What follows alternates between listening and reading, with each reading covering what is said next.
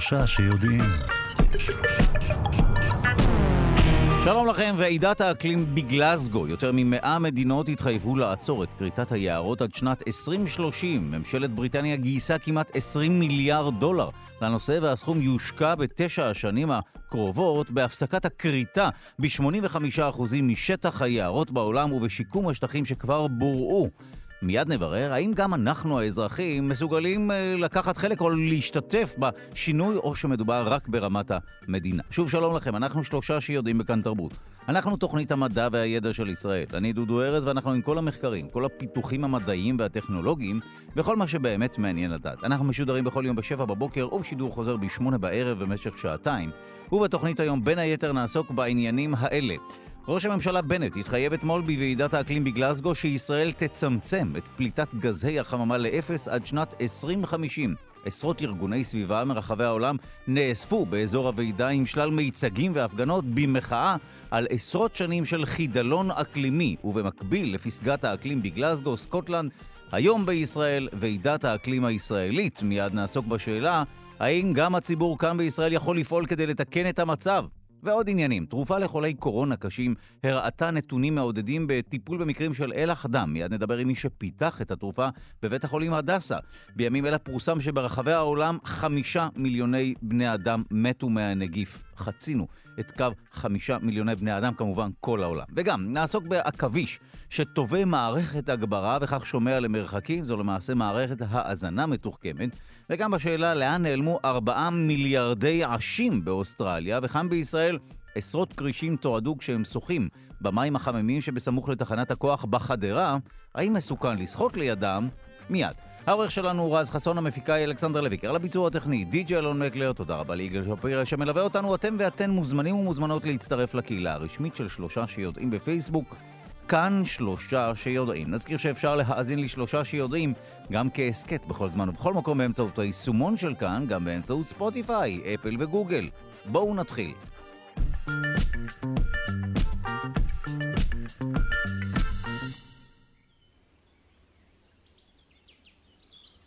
פסקת האקלים בגלזגו יצאה לדרך נציגי כ-200 מדינות, מתוכם כ-130 ראשי מדינה יצהירו מה הם עומדים לעשות ברמת המדינה, וכבר החלו להצהיר כדי לבלום את הידרדרות המצב, ואנחנו רוצים לבדוק האם אנחנו האזרחים גם כן יכולים להשתתף במאמץ, או שמדובר רק ברמת המדינה, בעיקר ברמת המדינה. אנחנו שמחים לומר שלום לפרופסור תמר דיין, יושבת ראש מוזיאון הטבע על שם שטיינהרד באוניברסיטת תל אביב, שלום. בוקר טוב. האם, אה, טוב, עיני כל העולם נשואות כמובן לפסגה עצמה. אנחנו רוצים לתהות האם יש משהו שאנחנו כציבור אה, מסוגלים לעשות כדי לשפר את המצב, אבל משהו משמעותי כמובן. אוקיי, אז נשתמש פחות בכלי פלסטיק וכולי. האם זה, זה יהיה ה-game changer? המקום שלנו כציבור הוא מקום עצום. ואני חושבת שאנחנו צריכים להבין את הכוח שלנו כציבור. זה נכון שממשלות ותעשייה יש להן השפעת מקרו עצומה על איך כדור הארץ ייראה, ואכן ההתחייבויות שניתנות היום מממשלות הן מאוד מאוד חשובות, במיוחד התחייבויות שמתייחסות למערכת האקולוגית, שהיא מערכת תומכת החיים שלנו, וכיום מושפעת בצורה מאוד מאוד דרמטית ממשבר האקלים, ומשפיעה עליו במעגל של איזון חוזר חיובי. אבל אנחנו יכולים לעשות הרבה, ואנחנו יכולים לעשות הרבה בכמה רמות. רמה אחת זה להשפיע, לשנות את אורחות החיים האישיים שלנו, ואנחנו צריכים לשנות לחלוטין בדברים מסוימים את החשיבה שלנו. בדרך כלל אנחנו רגילים, אנחנו בתרבות צריכה מאוד מאוד משמעותית, ואנחנו רגילים לקחת כמובן מאליו דברים כמו רכב, דברים כמו קניות, אה, דברים שאנחנו לאכול כפי שאנחנו רוצים, וגם לזרוק הרבה מאוד אוכל כפי שאנחנו רוצים. אנחנו צריכים לעשות איזשהו חשבון נפש מחודש על צורת החיים שלנו וההשפעה שלה על, פני, על כדור הארץ, וזה מתחיל אפילו בבחירות פשוטות כמו מה אנחנו אוכלים, או האם אנחנו נוסעים בתחבורה ציבורית או ברכב, ובאיזה רכב, וכיוצא בזה. אז זה דבר אחד, ואת הדברים האלה צריך לעשות כמובן מתוך הבנה ושכנוע, כי זה דבר שמשפיע על איך שאנחנו אה, ננהל את חיינו, יכולים לנהל את חיינו טוב. אבל אנחנו צריכים להבין את הבחירות שלנו. זאת אומרת, ו... אה, אני רק אה, אה, עוצר לרגע ועורך איזשהו סיכום ביניים. זה, זה לא בהכרח אומר שאנחנו צריכים לשנות משהו ברמה קיצונית, אבל כן נכון להבין, רמה גבוהה יותר של מודעות, הבנה של מה ההשלכות של מה שאנחנו אוכלים, או מה שאנחנו רוכשים וזורקים, או הערימות פלסטיק שאנחנו קונים בכל ארוחה הכי קטנה בחוץ, ואז זה מגיע ל, ל, לחצי פח ש, ש, שמתמלא כתוצאה מסתם אריזות על גבי אריזות. כל אלה שוב, אי אפשר להימנע אולי מזה לגמרי, אבל כן שווה לעצור ולחשוב על כל דבר קטן שאנחנו עושים. זה בסדר. בוודאי, בוודאי, ולדבר הזה בהחלט תהיה השפעה משמעותית. ההשפעה השנייה שישנה זה שלציבור יש כוח. אנחנו חיים בשיטה הדמוקרטית, ואני מאוד מאוד מאמינה בשיטה הדמוקרטית, ובשיטה הדמוקרטית יש לנו השפעה על מי אנחנו בוחרים, ולנבחרים שלנו יש אה, פניות ורגש לשאלה מה אנחנו רוצים כציבור.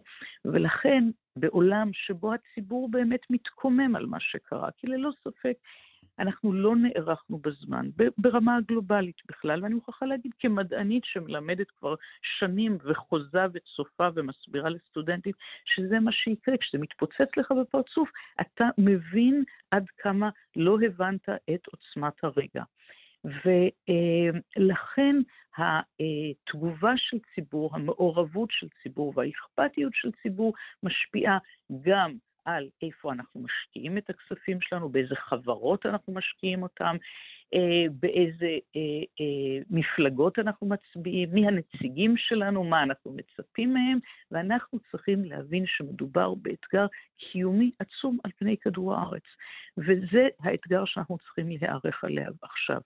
בנוסף, אני גם מאוד מאוד מאמינה בכוחם של יחידים לעשות שינוי. לפני שנתיים כולנו דיברנו על גרטה טונברג, ולולא הקורונה, שגם היא תוצאה של שינוי מערכת היחסים שלנו עם כדור הארץ, זה היה הנושא על סדר היום. הגיע להשהיה קצרה, והוא חייב לחזור ולהיות נושא ראשי על סדר היום הבינלאומי והלאומי שלנו, מפני שזה הקיום שלנו לעתיד לבוא. אנחנו, יש לנו רק כדור הארץ אחד, אז צריכים ללמוד איך להתמודד איתו, להתמודד איתו בצפיפות מאוד מאוד גדולה של הציבור בכלל על פני כדור הארץ, ובמיוחד בישראל, וצריך לעשות את זה נכון. אם נעשה את זה נכון, נוכל להשפיע השפעה משמעותית. אוקיי, okay, אז אנחנו בעצם מזהים פה אה, שתי חזיתות או שני פנים. האחד, אה, הפן הבאמת אישי, והשני, זה באמת אה, מה אני יכול לעשות, למי אני אוכל להצביע, או באילו חברות אני אוכל להשקיע. כמובן שאנחנו צריכים לוודא שמדובר כן בחברות שנושאות באחריות ולא הורסות את כדור הארץ וכולי. אני חוזר, ברשותך, לרישה של הדברים, כי הנה, אני מקבל אה, וואטסאפים תוך כדי השיחה הזו, כי הזכרת אה, כמה דברים שאפשר לעשות. אם אני רוצה פרקטית, ממש מחר, לחולל שינוי, או לפחות להיות חלק משינוי, מה אני צריך לעשות כדי למנוע, או לפחות לבלום את ההידרדרות? לקנות פחות, אה, לנסוע פחות במכוניות שמונעות בדלקים פוסיליים כמובן, בבנזין? מה אני פרקטית יכול לעשות בעינייך? אתה יכול לעשות יותר תחבורה ציבורית, יותר הליכה ברגל, פחות אכילת בשר, אה, פחות צריכה פשוט, אה, פחות צריכת סוכר. דרך אגב, שתי החלטות עכשיו שהוחלטו, והחלטות ראויות ויפות, למסות שימוש בחד פעמי, זה דבר שאנחנו ממש חייבים להיפרד ממנו, ועכשיו אה, למסות משקאות ממותקים, קשה להאמין את גודל ההשפעה של סוכר על המערכת האקולוגית על פני כדור תסבירי מה הקשר בין סוכר, אנחנו מבינים שזה לא בריא, אבל מה הקשר בין סוכר לבין אה, האקלים? מסתבר שהשינוי, שגידול סוכר דורש שטחים מאוד גדולים והרבה mm. מאוד מים. ואנחנו צריכים להביא בחשבון שאנחנו תלויים במערכת האקולוגית שלנו גם לקלוט פחמן דו-חמצני וגם למתן את ההשפעות של שינוי אקלים. ואם אנחנו מגדלים סוכר במקום מערכות אקולוגיות טבעיות, אנחנו גם פוגעים בבריאות שלנו וגם במערכת האקולוגית. דרך אגב, מחקרים מראים שכמעט כל ההחלטות שנחליט שטובות למערכת האקולוגית, טובות גם לבריאות שלנו. אנחנו בחרנו בתערוכה, לכן השקענו בשנה האחרונה בתערוכה שעוסקת במשבר האקלים, וחלק מהתערוכה הזאת עוסק באמת בלהראות מה ההתחייבויות אישיות שלנו יכולות להשפיע, וגם פיתחנו במסגרתה מחשבון פחמן, שאתם מוזמנים להוריד מהאתר של המוזיאון, והוא פשוט מאיר עיניים על נקודות מאוד מאוד ספציפיות שאנחנו צריכים להתחיל לחשוב עליהן בהתנהלות האישית שלנו, ואיך הן מתרגמות למטבעות של פחמן, ומכאן למטבעות של משבר האקלים.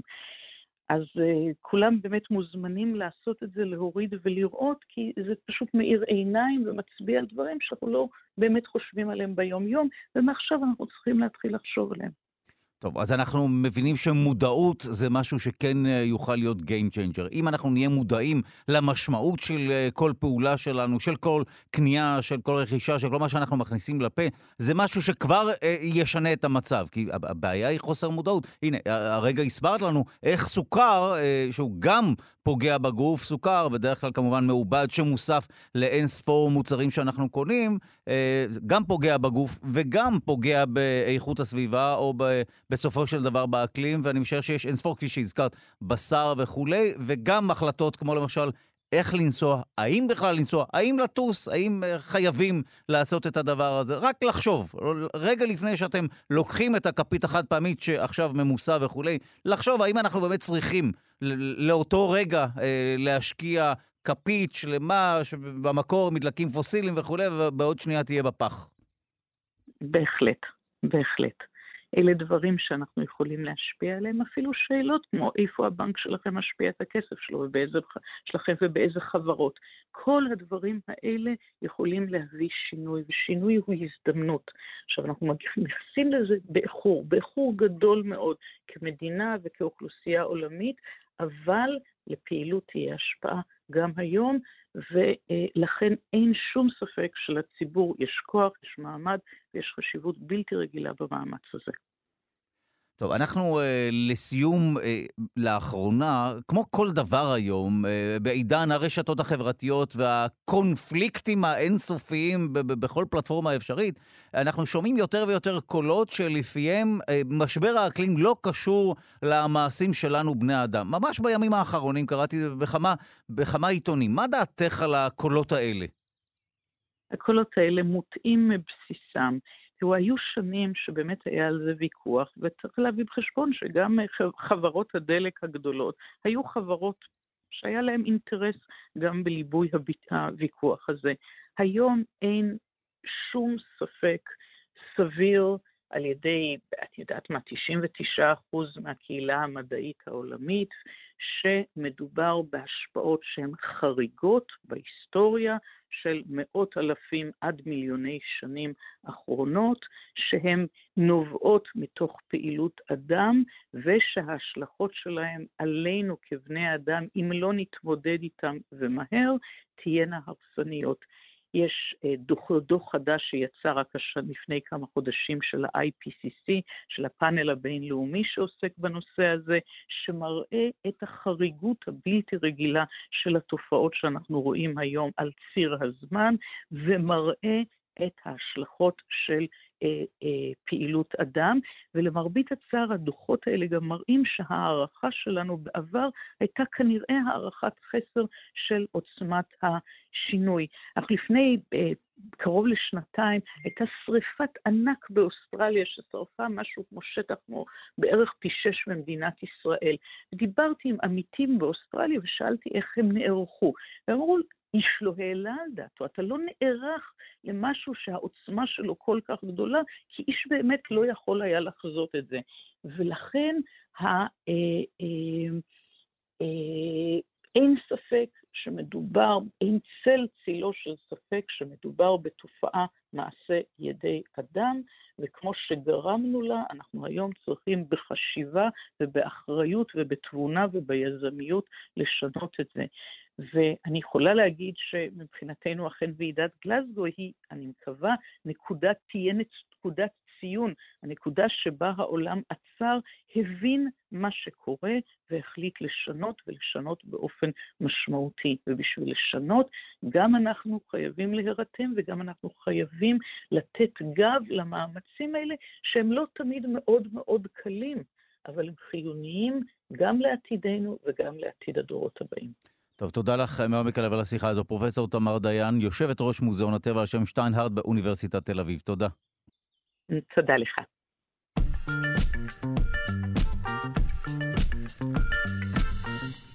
העכביש שטווה מערכת הגברה, עכביש מסוג ברידג' ספיידר, עכביש גשר, משתמש ברשת הכורים שלו כמערך אקוסטי שמאפשר לקלוט צלילים ממרחק רב.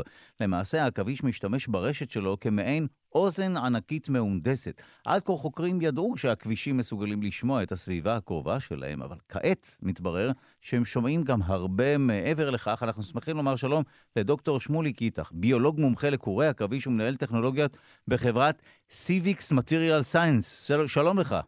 בוקר טוב. טוב, אה, הנה אנחנו מבינים שהרשת שהעכביש, או הכורים, שהכבישים טובים, לפחות במקרה הספציפי הזה, לא רק נועדה להפיל ברשת, במרכאות או לא במרכאות, אה, את הקורבנות ולטרוף אותם, אלא עוד עניין. נכון. אז אה, משמשים את הכבישה להרבה שימושים במהלך החיים שלה, לא רק לטריפה. אה, ידוע שהיא, נקרא לזה שומעת, דרך אוזן לא קונבנציונלית, לא, לא כמו שלנו. יש להן שעריות על הרגליים שרגישות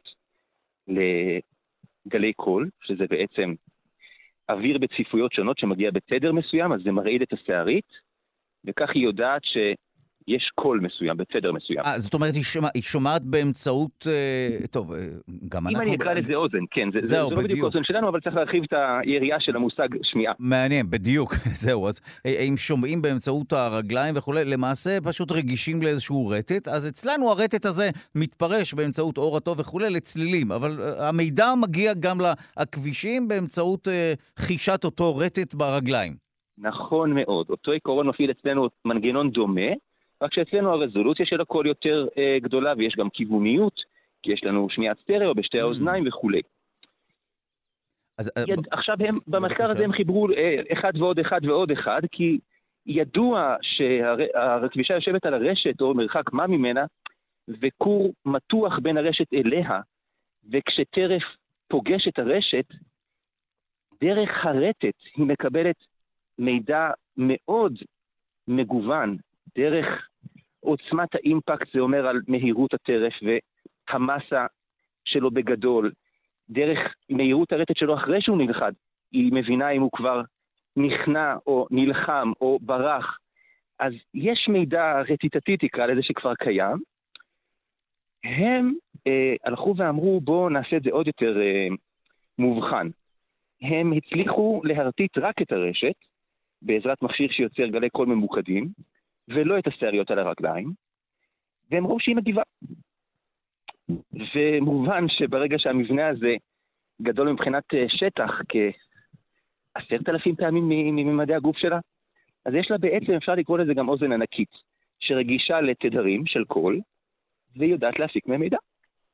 אה, אה, למה היא צריכה לדעת מעבר למה שקורה ברשת? זאת אומרת, מה, מה המשמעות של המידע הזה? אגב, אתה אה, משתמש ב, ב, בנקבה הכבישה, גם הכבישים זכרים טובים קורים, נכון? אבל רק לצורכי העברת אה, זרע, לא, לא יותר. אה, כן? אוקיי, לא, ידע, לא הכרנו את ההבחנה הזו, אז בוא ספר לנו. אנחנו, אני די נבוך כגבר אל גבר לומר לך שאנחנו לא עושים יותר מדי במעגל החיים של אה, החבישות והחבישים. רק עכבישה טובה רשתות, mm. אה, מגדלת הצאצאים, טורפת, דואגת לביצים ולמי שבוקע מהם. הזכר, אה, אם הוא טורף זה לא בעזרת רשת, זה בעזרת אה, מערב, ואחרי שהוא מעביר לה את הזרע שלו, אין לו יותר מדי תפקיד בעולם, ולפעמים הוא גם מסיים את חייו כארוחה הראשונה שלה. טוב, אה, הצלחת להקריפ אה, ולהרחיק אה, הרבה מאוד מאזינים זכרים זועמים, אבל בסדר, זה בינך לבינם. אוקיי, אז הנה הבנו עד כמה אנחנו פחות משמעותיים, אנחנו כמובן, אם אני מכליל את עצמי, כחלק מאיזושהי קבוצה שמשתייכת גם לכבישים הזכרים. אז נשוב באמת לעניין האקוסי. אז מדוע כן. הכבישה זקוקה למידע, ושוב, הרי צליל הוא עוד דרך לקבל מידע, צליל הוא מידע. למה היא זקוקה למידע... על מה שקורה במרחק רב? אמת. אז um, אני אקח את זה קצת יותר לרוחב את השאלה. במדע יש דברים שאנחנו מבינים, ויש דברים שאנחנו פחות מבינים, ואז יש יותר משקל להערכות. אז את היכולת שלה לחוש מדדו וראו שהיא גבוהה, ועכשיו נכנסות כל מיני הערכות שעוד לא בדקו אותן. אז ברור שיש לה ערך, אם היא יכולה לחוש את זה ממרחק גדול, אז אולי זה עניין של תקשורת שדיברו עליו, אולי זה עניין של אפילו רוח, של גירויים מהסביבה שקשורים ליכולת טריפה שלה ולהעדפה שלה, בוא ונאמר עכשיו לאכול את הרשת ולהמתין ליום נוח יותר לטריפה. יש, יש כמה וכמה השערות, זה לא, זה לא נבדק עדיין, אבל מצאו פונקציה ויכולת שעוד לא חיברו אותה ל, לשימוש אה, ברור כלשהו. איך זה בדיוק עובד? מבחינה ממש uh, פיזית. איך, אה, איך הרשת הזו, שהרי זה משהו פתוח ולא נכון. סגור, משמשת להדהוד או להגברה של, של גל קול? אז כשיש קול, מה זה בעצם קול? האוויר הוא גם חומר, יש לו צפיפות מסוימת. כשיש קול בתדר מסוים, אנחנו מדברים על אלף הרץ, זה אומר שיש אלף גלים בשנייה. מה אלה אותם גלים? אם תזרוק אבן למים ותראה אדוות יוצאות ממרכז אה, אותה אבן, אז אתה תדמה את זה באוויר, לראות צפיפויות שונות של אוויר, גבוהות ונמוכות, מעין גלים של צפיפויות, באותו תדר. זה כל. האוזן שלנו למדה, כמו שאמרת, אור התוף רוטט, ואנחנו מתרגמים את זה לאותות חשמליים, ומסיקים מזה על סוג הקול שאנחנו שומעים מבחינת תדר, עוצמתו ולפעמים גם כיוונו. אם יש לנו מבנה ששוקל חצי מיליגרם, רשת של חצי מטר על חצי מטר יכולה לשקול כולה חצי מיליגרם, שבנויה מכורים מאוד מאוד מאוד עדינים, מוצקים, שנמצאים באוויר, שקוטרם כעשירית מקוטר שערה אנושית, כעשרה מיקרון. הם נמצאים באוויר, אם הם מרגישים קול שעובר דרכם, הם רוטטים באותו תדר. עכשיו אני אומר יותר מזה, זה מורכב יותר, כי יש ברשת כמה סוגי כורים עם תכונות מכניות שונות, ויכול להיות שהרטט שלהם הוא שונה. אז דבר כזה, ברגע שהוא פי עשרת אלפים מגודל הגוף שלי, וזאת האנטנה הווקאלית שלי, זה דבר גדול. זה מאפשר לי לשמוע צלילים ביעילות הרבה יותר גבוהה מהשעריות הקטנות שיש לי על הרגליים, במידה ואני עכבישה. אמ, והרטט הזה מועבר אל העכבישה. עוד לא ברור באיזה מנגנון, אבל היא מרגישה את רטט הרשת מפני שאו שהיא יושבת עליה, או שהיא קושרת את עצמה אל מרכז הרשת בדרך כלל בכור, שכל תפקידו זה לתווך את הרשת שיש ברשת אל גוף העכבישה. שמע, אה, זה פשוט אה, מדהים. איכשהו הכבישים מדהימים אה, יותר מיצורים אחרים, בכל מה שקשור ל... כן, כי ההפקה בכלל של החלבונים האלה שיוצרים את הכורים וכולי, כעת השימוש בה ברשת כמשהו שמשמש אותם בתחום האודיו, זה פשוט מפליא. ורסטילי מאוד, וזה הטבע, הוא מופלא. ואתה גם אה, עוסק בטכנולוגיות שקשורות ליצורים האלה, נכון? אתה גונב מהם נכון. פטנטים. אני מסתכל היטב ומנסה לחכות to some extent, ובהצלחה חלקית, את הדברים המופלאים שהם עושים כמו כלום. שמע, מדהים. אז הנה למדנו שרשת הכורים או הכורי העכבי שאנחנו מכירים, זה לא, זה לא רק מלכודת. אלא מדובר גם במשהו שמסייע לעכבישה לפחות לשמוע למרחק הרבה יותר אה, גדול בזכות האוזן הענקית שהיא יצרה למעשה מהכורים. תודה רבה לך, דוקטור שמולי קיטח, ביולוג מומחה לקורי עכביש ומנהל טכנולוגיות בחברת Seevix Material Sciences. תודה. בוקר טוב, תודה.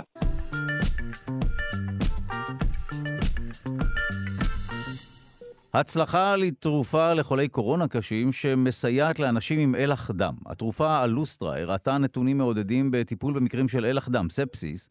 מדובר בתרופה שפותחה בבית החולים הדסה בשיתוף אה, חברת Enlivex בהובלתו של פרופסור אה, דרור מבורך, שכבר נמצא איתנו על הקו. היא פורצת דרך אה, בטיפול במצבים דלקתיים מסכני חיים. הדברים פורסמו ב Frontiers in אימיונולוגי. אנחנו שמחים לומר שלום למפתח התרופה, פרופסור דרור מבורך, מנהל מחלקה פנימית ומחלקות הקורונה בהדסה עין כרם. שלום. בוקר טוב. כדי קצת לסדר את השיחה הזו, הסבר לנו, התרופה עצמה, הלוסטרה, היא נוצרה כדי לטפל בחולי קורונה, או שהיא נועדה לטפל באנשים שיש להם, שמתפתחת אצלם או מוצתת אצלם דלקת?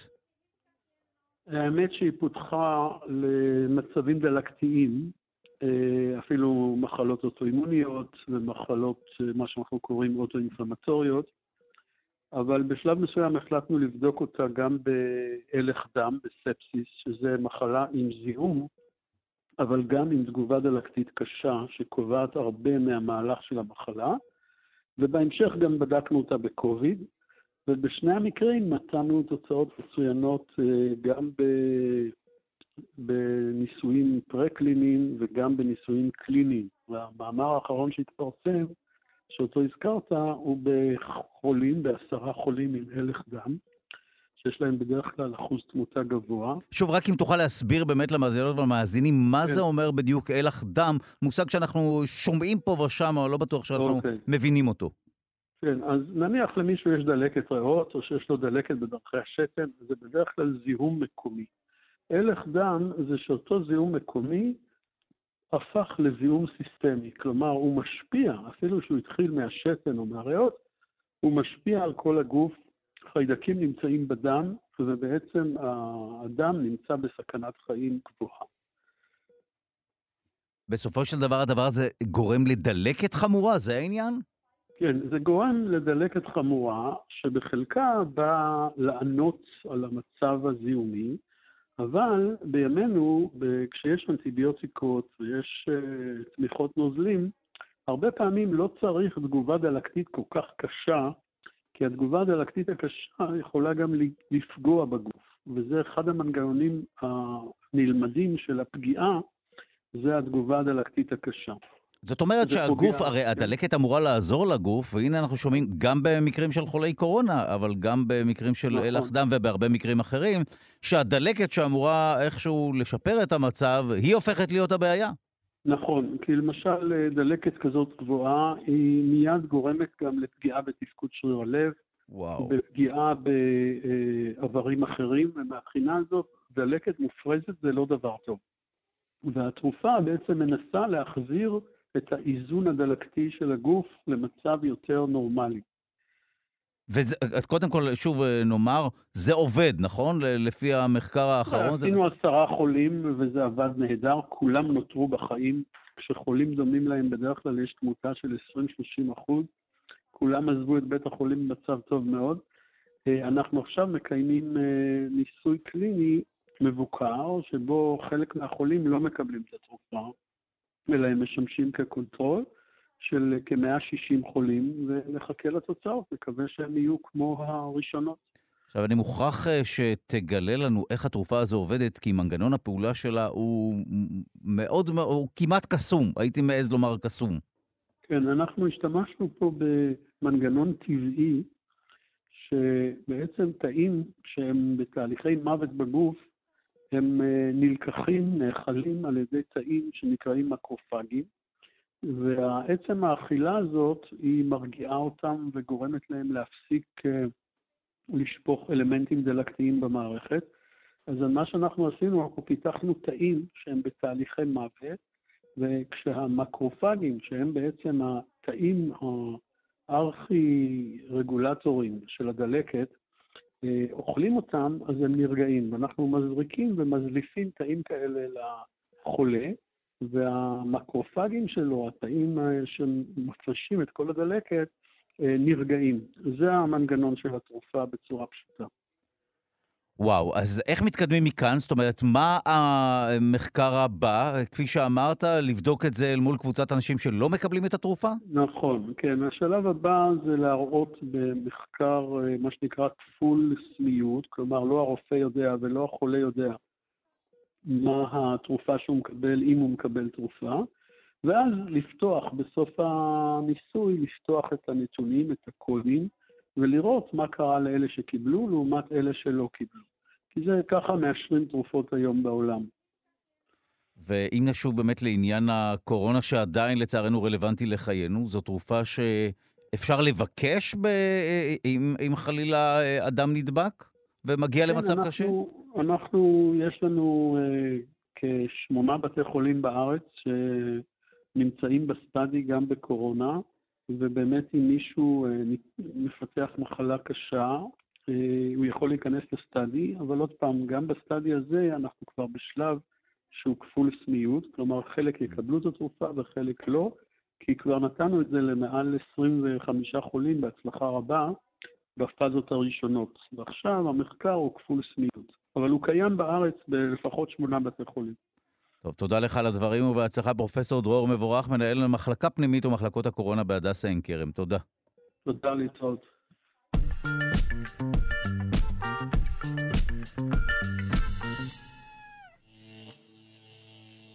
החתול של שרדינגר כפול ארבע. מדובר בניסוי שנערך על ידי חוקרים מהמכון לחדשנות טכנולוגית באיחוד האמירויות, ניסוי שבו הוכיחו החוקרים שטכניקה חדשה של חישוב קוונטי יכולה לסייע במציאת פתרונות לסוג חדש של בעיות. משפט שמיד נפצח. המשפט עצמו הוא סוג של בעיה שמיד נבין. מיד נצלול לעומק הניסוי וגם נבין שמדובר לא רק בחתול שחי מת אה, בו זמנית, זאת אומרת החתול של שרדינגר לחובבי אה, מכניקת הקוונטים, מכירים את החתול שנמצא במצב אה, ביניים כזה, בין חי למת, או במצב כפול למעשה, אלא במקרה הזה מדובר בחתול חי אה, ומת, שנמצא במצב שבו יש עוד שלושה אירועים שאו שקורים או שלא, וביחד ארבעה אירועים שכל אחד מהם או שקורה או שלא. לא להיבהל, אה, לכן אנחנו מדברים עם פרופסור נדב כץ, ראש המרכז לאינפורמציה קוונטית, מכון רקח לפיזיקה, האוניברסיטה העברית. שלום. בוקר מצוין, בוקר טוב. שמע, לדבר על קוונטים, זה תמיד אה, יש איזשהו חשש שהציבור ינטוש את המקלט כמובן, אבל... לא, חס וחלילה, זה מהפכה של ימינו. אתה צודק, ולכן, נכון, לכן אנחנו גם עוסקים בזה, אבל אתה תהיה חייב באמת להסביר לנו מה זה אומר, אולי נתחיל מהחתול המקורי, ואז נוסיף לו עוד אה, שלושה תנאים שאו שקורים או שלא, כי כאן מדובר בארבעה, נכון? ארבעה אירועים שמתרחשים בו זמנית. כן, אפשר, אפשר להסביר את זה בצורה כזו, בהחלט. אז, אז אה, החתול של שלנינגר זה סיטואציה שבה מדברים על מערכת מורכבת שיש בה כמה חלקיקים, אה, שיכולה להיות בו זמנית במצבים מאוד שונים. וזה בניגוד ל... הטבע היומיומי שלנו, שחתול הוא או חי או מת ואין אופציה להיות באמצע או בו זמנית אה, משהו משותף לשניהם. אה, ובמכניקת הקוונטים, שהיא תיאוריה וגם מעשה אה, שאנחנו עושים במעבדות שלנו, זה כן מתאפשר במצבים מסוימים. כן אפשר לארגן את זה שבאמת אה, אלקטרונים אה, או קבוצה של אלקטרונים יהיו בו זמנית במיקום מסוים או במצב מסוים, ושני מצבים שונים מאוד לא תואמים, כמו חי ומת אה, לצורך העניין, באופן דרמטי, איך ששרדינגר הציג את זה. ואיך אפשר לנצל את העובדה הזו שמדובר ב... זה, זה נקרא סופר פוזיציה, נכון? נכון, בו זמניות כזו כן. של אה, מצבים. אז איך אפשר לנצל את המצב הדואלי הזה, הכפול הזה? אז uh, בעצם אחד היישומים של מה שנקרא המהפכה הקוונטית השנייה, שאנחנו בעיצומה, זה לנסות להשתמש במצבים האלה לבצע חישובים, מה שנקרא מחשב קוונטי. אה, והעבודה הזו אה, מנסה לשתף פעולה, העבודה שעכשיו אנחנו מדברים עליה מנסה להציג חישובים קוונטיים בהקשר של למידת מכונה, מה שנקרא Deep Learning במדעי המחשב. אוקיי, okay, אנחנו כמובן נשמח uh, uh, להבין איך הסיטואציה הארבעה ראשי, ראשית הזו, ארבעה ראשית, אה, ארבעה אה, ראשית, יכולה באמת אה, להתרגם לכוח מחשובי. אז מצבים קוונטיים, יש להם תכונה מאוד מיוחדת. הם חיים על התפר בין אנלוגי לדיגיטלי. כשאתה אה, מייצר מצב קוונטי, יכולה להיות בו מורכבות, אה, מה שנקרא אקספוננציאלית. כלומר, משהו בחזקת מעריכית, כן. מעריכית. נכון. זה מורכבות מאוד מאוד גדולה שמתחבאת שם. זה כמו פיל שיש לו המון המון מימדים והרבה אפשרויות, ומה שקורה אבל שאנחנו מודדים זה כמו ל- ל- לעשות צל של הפיל ותמיד רואים אה, רק תוצאה אחת מסוימת. תוצאה שהיא קורית באופן הסתברותי. אז הקריסה הזו של פונקציית הגל לאו חתול חי או לחתול מת מתרחשת תמיד כשמודדים. אז העבודה הנוכחית הזו מנסה לטפל בהסתברויות האלה של המדידות, ההיטלים השונים של המצב הקוונטי, ולטפל בעזרת למידת מכונה, בשיטות של אה, מדעי המחשב, לטפל בהסתברויות השונות האלה, איך הן מתקדמות בזמן ואיך אפשר להשתמש בהן לבצע חישובים. רגע, אתה למעשה אמרת בדקה האחרונה, שבסופו של דבר החתול שחי ומת בו זמנית, ברגע שאני פותח את הקופסה שבה נמצא חתול, אז, אז, אז, אז, אז משהו, אז אה, כן הולך לכיוון מסוים, הוא או חי או מת. כן, כמו שביומיום שלנו, כן. אנחנו מסתכלים על חפצים, אנחנו מבצעים מדידה, וזה מקריס את המצב הקוונטי לאחת מהאפשרויות שלו. קורה באופן הסתברותי. אלברט איינשטיין כמובן לא סבל את זה, אמר שאלוהים לא משחק בקוביות, אבל uh, מסתבר שהטבע כן. שמע, אני... איינשטיין, לא הייתי מזלזל במה שאיינשטיין, באינטואיציה שלו. הטעויות שלו יותר מעניינות מהדברים הנכונים. אוקיי, אוקיי. אוקיי, בוא נדבר באופן כללי על מחשבים קוונטיים. אנחנו יודעים שאנחנו, כפי שאמרת, כן נכון לעסוק בנושא הזה, צריך קצת לעכל אותו וכולי, או להבין מושגים בסיסיים, כמו גם אה, ניסוי חתול הוא משהו מאוד משמעותי, גם להבין את הקיוביטים, ואיך מחשב קוונטי כביכול לפחות עובד, או לפחות ברמה הבסיסית. מה נרוויח ממחשב קוונטי? פשוט כוח עיבוד מטורף? זאת אומרת, אה, אה, מנועי חיפוש או בינה מלאכותית וכולי, כל מיני דברים שצריכים כוח מחשוב אדיר, פתאום יהיה לנו איך להניע את המערכות האלה? התשובה היא כן ולא, כמו כל תשובה מעניינת.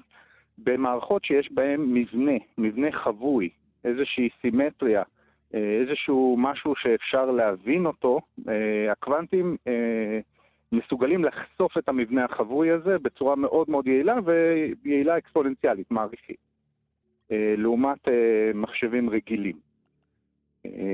יש, יש לנו ניסיון להבין את המורכבות של הטבע שמסביבנו וגם את האלגוריתמים שאנחנו מפעילים, בעיות אופטימיזציה, בעיות של הבנה של חומרים בטבע, ומחשבים קוונטיים הם טובים במיוחד בדברים האלה. האם מחשב קוונטי יגיע גם לטלפון שלי בסופו של דבר, או שזה משהו שיהיה ספציפי רק לאוניברסיטאות וכולי, או שאני שוב נופל פה, כי הרי זה מה שחשוב גם על המחשבים הקלאסיים. אז מה שחשוב זה להבין שהיום אנחנו עובדים בענן, אז המחשבים קוונטיים בדרך כלל צריכים אה, mm. מעבדות מיוחדות, אבל אין בעיה שתקנה זמן על המחשב.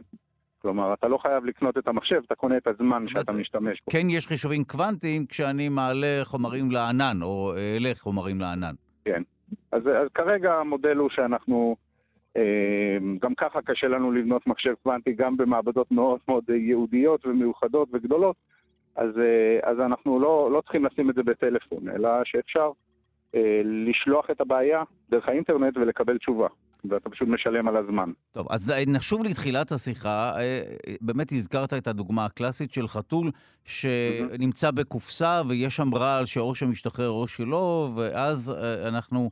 זה לא שאנחנו לא יודעים, אלא הוא למעשה חי ומת בו זמנית, עד שאנחנו מוציאים אותו מהקופסה, ואז כפי שאמרת, או היטבת להגדיר את זה, יש בו קריסה לאחד מהמצבים. או שכן או שלא, או חי או לא. נכון. לא. אבל, אבל אפשר גם אה, לחשוב על זה שהחתול של שרדינגר הוא, הוא באמת סופר פוזיציה שאפשר גם אה, להטות את האחוזים שלה באופן רציף. זה לא חצי-חצי בהכרח, זה יכול להיות גם mm. אה, חתול חי פחות חתול מת. אפשר גם אה, לשחק עם הסימן של הקשר הזה.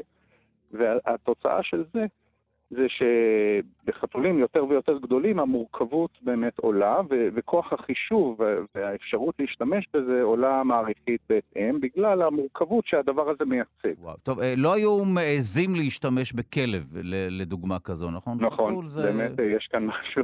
זה מין פולש. וזה... יש כאן. משהו שכאלה, לא, כן. זה משהו שקשור כנראה לאופי של חתולים. או חלילה באדם, זה רק... לאופי החמקמק של חתולים, אבל זה נכון. משהו בזואולוגיה, לא המקצוע שלי. ביחס האמביוולנטי שלנו ליצור הזה. הזה. טוב, תודה לך על השיחה הזו, פרופסור נדב כץ, ראש המרכז לאינפורמציה קוונטית, מכון רקח לפיזיקה, האוניברסיטה העברית. תודה.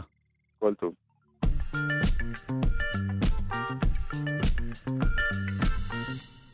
ובמסגרת פינת האבולוציה נעסוק בהכחדה של סוף הפרם, אם כל ההכחדות, ועל איך כדור הארץ התאושש ממנה. שלום לחבר המחלקה לאקולוגיה, אבולוציה והתנהגות האוניברסיטה העברית, פרופסור אריאל צ'יפמן, שלום. בוקר טוב. למד אותנו על ההכחדה של סוף הפרם. מהו פרם? לדעתי זו, זו עיר ברוסיה, לא? פרם זו עיר ברוסיה, למעשה זה מחוז ברוסיה, שעל שמו נקרא עידן גיאולוגי. עידן גיאולוגי שהסתיים לפני 252 מיליון שנה בהכחדה הגדולה ביותר בתולדות כדור הארץ. אז באותו פרק זמן, בסוף הפרם, אה, העולם הגיע למשבר החמור ביותר אי פעם, שבמסגרתו כדור הארץ היה כפסע מסיום החיים בכלל. די. אה, רגע, מה קרה? למה? אז בואו נתחיל במה קרה, ואחרי זה בלמה. אה, אז מה שקרה זה שהייתה הכחדה בעיקר באוקיינוסים, שמשהו כמו 90% מהמינים על פני כדור הארץ נכחדו בפרק זמן יחסית קצר במונחים גיאולוגיים. קבוצות שלמות נעלמו לחלוטין. אה, טרילוביטים ועקרבי ים, שתי קבוצות שדיברתי עליהן בפינה בעבר, נכחדו לחלוטין בהכחדה של סוף הפרם. קבוצות אחרות חטפו מכה מאוד קשה, קיפודי הים כנראה אה, נכחדו ברמה שנשארו שני מינים של קיפודי ים, וכל קיפודי הים שקיימים כיום הם צאצאים של אותם שני די. מינים ששרדו את ההכחדה. אה, שוניות האלמוגים נעלמו לחלוטין, רוב קבוצות האלמוגים נכחדו לחלוטין, אז האוקיינוס חטף מכה כמעט אנושה, על פני היבשה ההכחדה הייתה קצת פחות חמורה, אבל גם שם קבוצות שלמות של בעלי חיים נעלמו לחלוטין. אה, כל הדו-חיים של, אה, הדו-חיים הענקיים נעלמו לחלוטין, ועוד ועוד. אה, היה מכה מאוד קשה. מה קרה ולמה? כנראה די הרבה דברים קרו בבת אחת, כי בשביל הכחדה כל כך חמורה לא מספיק טריגר אחד, לא מספיק גורם אחד. אבל כנראה מה שהתחיל את זה, זה היה סדרה של פעילויות געשיות באזור שהיום הוא סיביר. אה, שבמסגרתו היה אזור, מדברים על משהו כמו שני מיליון קילומטר רבוע של פעילות געשית. לא של הרי געש, אלא של סדקים בקרקע שדרכם הגיחה לבה. והלבה הזו שחררה כמויות עצומות של פחמן דו-חמצני לאטמוספירה, כמויות עצומות של פיח, הפחמן הדו-חמצני גרם לאפקט חממה שהעלה את הטמפרטורה, וואו. גרם להחמצה של האוקיינוסים, כלומר האוקיינוסים... מוכר, סיפור מוכר. סיפור מוכר, תכף נגיע לחלק המוכר של הסיפור, אה, אבל הפחמן הדו-חמצני שנספג באוקיינוסים הופך את האוקיינוסים לחומציים יותר, ואז כל היצורים שמתבססים על שלד מבוסס גיר, השלד שלהם בעצם נמס. כמו אלמוגים וכולי, כמו מה שקורה עכשיו, נכון? נכון, אז הרבה מהדברים שאנחנו רואים עכשיו קצת מזכירים, אבל mm. אני, אני אגיע לזה תכף. אוקיי. Okay. Uh, עכשיו, ההכחדה הזו התרחשה על פני כנראה משהו כמו 50 אלף שנה, בין 50 ל-100 אלף שנה, התיארוך המדויק קצת קשה, אבל בכל זאת אנחנו מדברים על לפני מעל 250 מיליון שנה, אז ברור שיש לנו טעות של כמה אלפי שנים לכל כיוון. אה, ובסוף ההכחדה כדור הארץ נכנס לתקופה של כמה מיליוני שנים, יש הערכות של קרוב לעשרה מיליון שנה, שכדור הארץ היה כמעט ריק. כלומר, הפעילות הגעשית נגמרה, החמצת האוקיינוסים נגמרה, הטמפרטורות התייצבו, אבל עדיין לקח כמעט עשרה מיליון שנה עד שהמערכות האקולוגיות חזרו לעצמן לחלוטין. ואנחנו מוצאים עוני במגוון, יש פשוט מעט מאוד מינים, אנחנו לפעמים מוצאים באזורים מסוימים 90% מהמאובנים שייכים למין אחד. אנחנו לא מוצאים שרידים של יערות, אנחנו מוצאים הרבה מאוד שרידים של פטריות, שזה מה שחי כשהכול מת. אז, אז המכה הייתה קשה וההתאוששות הייתה ארוכה, אבל אחרי ההתאוששות בעצם הגענו לעולם שאנחנו מכירים כיום, פחות או יותר. הדינוזאורים מתחילים עם ההתאוששות, הרבה מהקבוצות שאנחנו מכירים כיום, קבוצות של דגים שאנחנו מכירים כיום, מופיעים לראשונה אחרי ההכחדה הזו. אז ההכחדה הזו מצד אחד הייתה משבר גדול, אבל מצד שני היא הייתה הפתח של העולם שאנחנו מכירים כיום אחרי ההתאוששות. זה אומר שלא צריכים להיות מודאגים כי לטבע, במרכאות כמובן, יש יכולת להתאושש? זה, זה משהו שהוא מרגיע? כי אנחנו יודעים שאנחנו עדים לתהליכים דומים, אה, כפי שאמרת, גם אז, בימים אלה. אז זו בדיוק השאלה הפילוסופית המעניינת. כדור הארץ מאוד עמיד. כדור הארץ חטף, זו הייתה הכחדה של סוף הפרם שהייתה המכה הכי קשה, אבל כדור הארץ חטף הרבה מאוד מכות אקולוגיות וכדור הארץ מתאושש. כדור הארץ יודע להתמודד עם, עם הרבה דברים, יכול לקחת הרבה זמן. אבל אם אנחנו מדברים על, על משבר האקלים וההכחדה, לא הכחדה שמתרחשת היום, אז קודם כל צריך להסתכל קצת על סדרי גודל. בהכחדה של סוף הפרם הייתה עלייה של משהו כמו 8 עד 10 מעלות על פני 50 אלף שנה. אנחנו מדברים עכשיו על עלייה של 2-3 מעלות על פני 100 שנה. Mm. כלומר, קצב השינויים כיום הוא הרבה יותר גדול מקצב השינויים בכל אחד מן המשברים שכדור הארץ עבר בעבר. והנקודה השנייה, האם כדור הארץ יתאושש? כן, כדור הארץ ישרוד, כי כדור הארץ תמיד שורד, אבל העולם של אחרי המשבר לא יהיה אותו עולם, בטח לא יהיה העולם שאנחנו חיים בו, ולא ברור אם אנחנו וצאצאינו עוד נהיה כאן. אז, אז מצד אחד המסר הוא מרגיע בהסתכלות של כדור הארץ ובטווח הארוך. בטווח הקצר ובטווח של החיים שלנו והעולם שלנו, המסר מאוד מדאיג. Mm. אה, אז אני, אני שב, אחרי שהדאגת אותנו, אני שב ל, ל, לסוף עידן הפרם. בסופו של דבר ההתאוששות הייתה טבעית, כי פשוט מי ששרד, שרד, ואז העולם שאנחנו מכירים היום הוא תולדה של מי ששרד דאז? בדיוק. הקבוצות שקיימות כיום mm. זה הקבוצות שהצליחו לשרוד את ההכחדה הגדולה אז. וואו. טוב, האמת שהייתי שמח ללמוד יותר על, ה, על ההכחדה הזו, כי אני לא הכרתי אותה באופן אישי, משום מה לא... כנראה יש, שכשזה יש לא שם. דינוזאורים ומטאור בשמיים, אז זה פחות uh, מוכר. מקובל לספור חמש הכחדות גדולות, כשההכחדה של הדינוזאורים היא המאוחרת ביותר. היא, היא הכי קרובה mm. לזמננו, אבל זו של סוף הפרם היא הגדולה ביותר ללא ספק. וואו, אה, אה, איך היונקים התמודדו עם ההכחדה הזו? זאת אומרת, מה היה המצב של קרובינו? אז קרובינו, מן הסתם שרדו את ההכחדה, אחרת אנחנו לא היינו שם. אה, קבוצה אחת של יונקים, אז דיברתי על 90% מהמאובנים שייכים למין אחד, זה היה מין של בני דודים רחוקים שלנו, לא אבות ישירים שלנו, אבל קבוצה שקרובה ליונקים. אבות היונקים של העידן של הפרם, רגע לפני ההכחדה, היו החולייתנים הדומיננטיים. הם היו גדולים, היו טורפים, הם נפגעו קשות, מי שנשאר היו בעיקר פרטים, מינים קטנים יחסית, ובעצם הדינוזאורים הפכו להיות היצורים הדומיננטיים, כשאבות היונקים הפכו להיות קטנים ושוליים. אז שרדו, אבל מי ששרד היה הקבוצות הקטנות יותר, קטנות בגודל. וואו, אה, טוב, הזכרת חמש החדות, אנחנו מדברים היום על החדה השישית, נכון? הם מתייחסים למציאות הזו? כן, זה, זה המונח שמשתמשים בו. או לפחות, אה, זו הכחדה, אה, שוב, אה, אני, אני מתכוון להגיד איטית, אבל זה לא בהכרח איטית, יותר... אז, אז זו בדיוק הנקודה. כשמדברים על הכחדה, על עוצמה של הכחדה, מדברים גם על הגודל, כמה נכחד, וגם על הקצב. מבחינת גודל, מספר המינים שנכחדים, אחוז המינים שנכחדים, אנחנו רחוקים מאוד עדיין. מהכחדות הגדולות, אבל מבחינת קצב, מספר מינים שנכחדים בפרק זמן וקצב השינוי, השינויים שמתרחשים בשנים האחרונות כנראה יותר מהירים מאלו שאנחנו מכירים mm. מהכחדות קודמות. אז זו סיבה אמיתית לדאגה. אם לא הייתה אה, הכחדה, אה, אם לא הייתה את ההכחדה של סוף הפרם, ככל הנראה לא היינו כאן היום, נכון? נכון. זאת אומרת, עבורנו זה בשורות כל, טובות. כמעט כל אירוע בתולדות כדור הארץ, אם הוא לא היה מתרחש, אז העולם היה אחר ואולי אנחנו לא היינו פה. אנחנו תולדה של הרבה צירופי מקרים. וגם אסונות, במרכאות או לא במרכאות.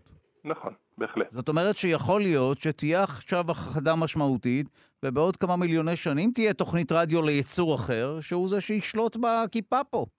יכול מאוד להיות. אה, נצטרך לחכות ולראות. או שכבר להילחם בו, בעודו קטן. כדי, כמובן שבכל זאת מלחמת הישרדות בין מינים. שמע, זה היה מרתק. תודה רבה לך, פרופ' אריאל צ'יפמן, חבר המחלקה לאקולוגיה, אבולוציה והתנהגות באוניברסיטה העברית. תודה. תודה, להתראות.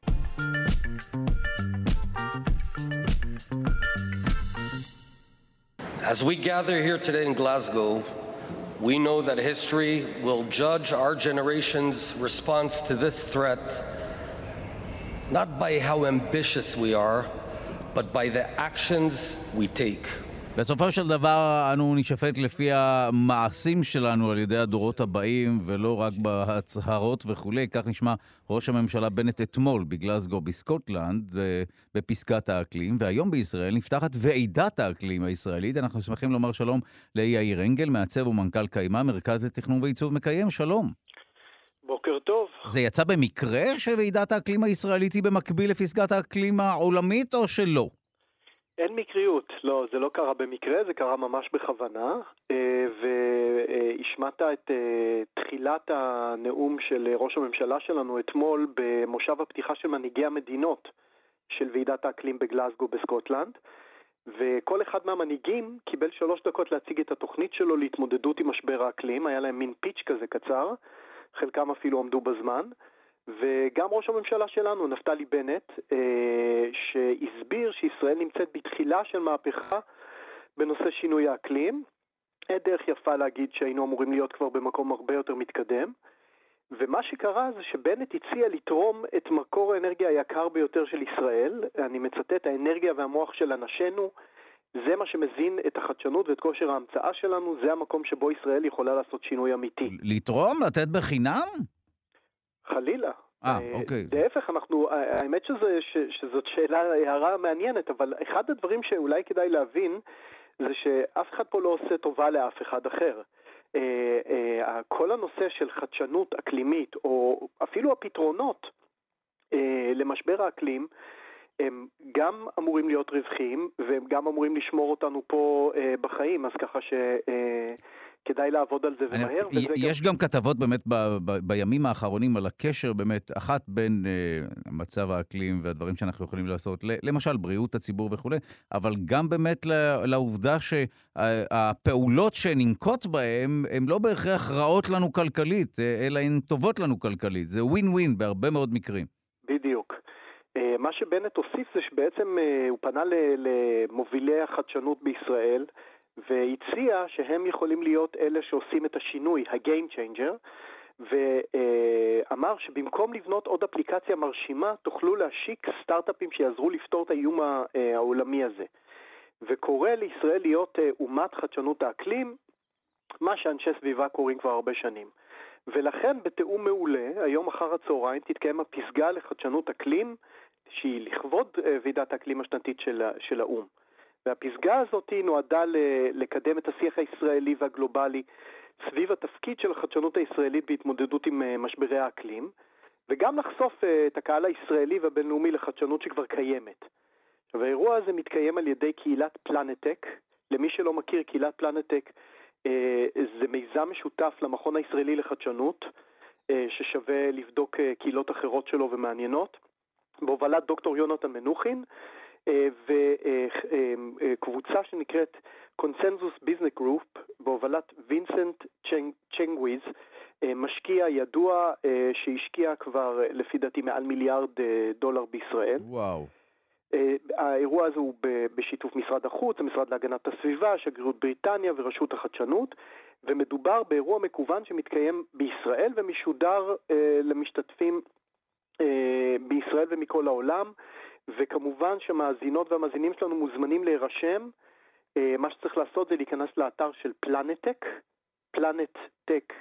מילה אחת, אה, מחובר, נקודה כן. אורג. כן, אני כן. רואה, אני כבר באתר, אפשר פשוט להירשם, ובעוד שמונה שעות וחמישים דקות, אם אתם מאזינים לנו בשידור חי הבוקר, תוכלו אה, לראות את מה שיקרה שם בוועידה. נכון. גם אירוע פיזי שהוא למוזמנים בלבד, וישתתפו בו נציגים מכל מיני מדינות ובכירים מתעשיית ההייטק הישראלי, אבל קורונה וזה, וזה יהיה אירוע קטן וסגור. בפסגה אה, יוצג, וזה מאוד מעניין, דוח מיפוי של 1,200 חברות ישראליות מתחומי האקלים, שלוקחות חלק בניסיון לייצר כלכלה גלובלית מאופסת פחמן. עכשיו, יהיו דוברים uh, מאוד uh, uh, מכובדים, נשיא מדינת ישראל, השרה להגנת הסביבה, סגן שר החוץ, שגריר בריטניה בישראל, מנכ"ל רשות החדשנות ומנכ"ל פלנטק. עוד חלק חשוב באירוע, וזה אולי נקדיש לזה, נדבר על זה בהזדמנות אחרת, זה תשעה סטארט-אפים ישראלים שיציגו פיץ' מאוד קצר מתחומי אקלים שונים. תשעה הסטארט-אפים האלה גייסו עד היום מיליארד דולר, והם עוסקים בתחומים שכולם קשורים בהתמודדות עם משבר האקלים, חקלאות, אנרגיה, כמו שהזכרת, אה, מגוון ביולוגי, מזג אוויר, חלבונים אלטרנטיביים, כלכלה מעגלית. זאת אומרת, אפשר גם להרוויח כסף מ... מלעסוק בכך, וכפי שגם אמרה לנו אה, פרופסור דיין בתחילת השעה הראשונה, כשאנחנו משקיעים את הכספים של הפנסיות שלנו, או שלפחות משקיעים עבורנו, או של קרנות ההשתלמות וכולי, שווה אה, לברר באילו חברות הכסף הזה מושקע, או לוודא שלא מדובר בחברות שפוגעות בכדור הארץ, אלא... בדיוק. אפשר להשקיע בסטארט-אפים נכון, ובחברות שעושות בדיוק את ההפך, עושות אה, את הכיוון הזה, ו- ומדברים כבר כמה שנים על השקעות אחראיות, וגם בעניין, גם בישראל זה התחיל אה, להיכנס, כמו שהזכירה פרופסור דיין.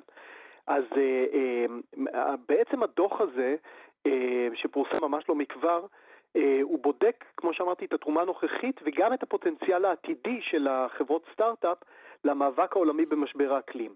הנה שתי מסקנות חשובות ומעניינות שעלו מהדוח. אחת זה שכעשרה אחוז מחברות ההייטק שהוקמו בישראל בשנה האחרונה מפתחות טכנולוגיות בתחום האקלים. ומרבית הקרנות, הקרנות הגדולות בעולם בתחום האקלים אינן משקיעות בישראל.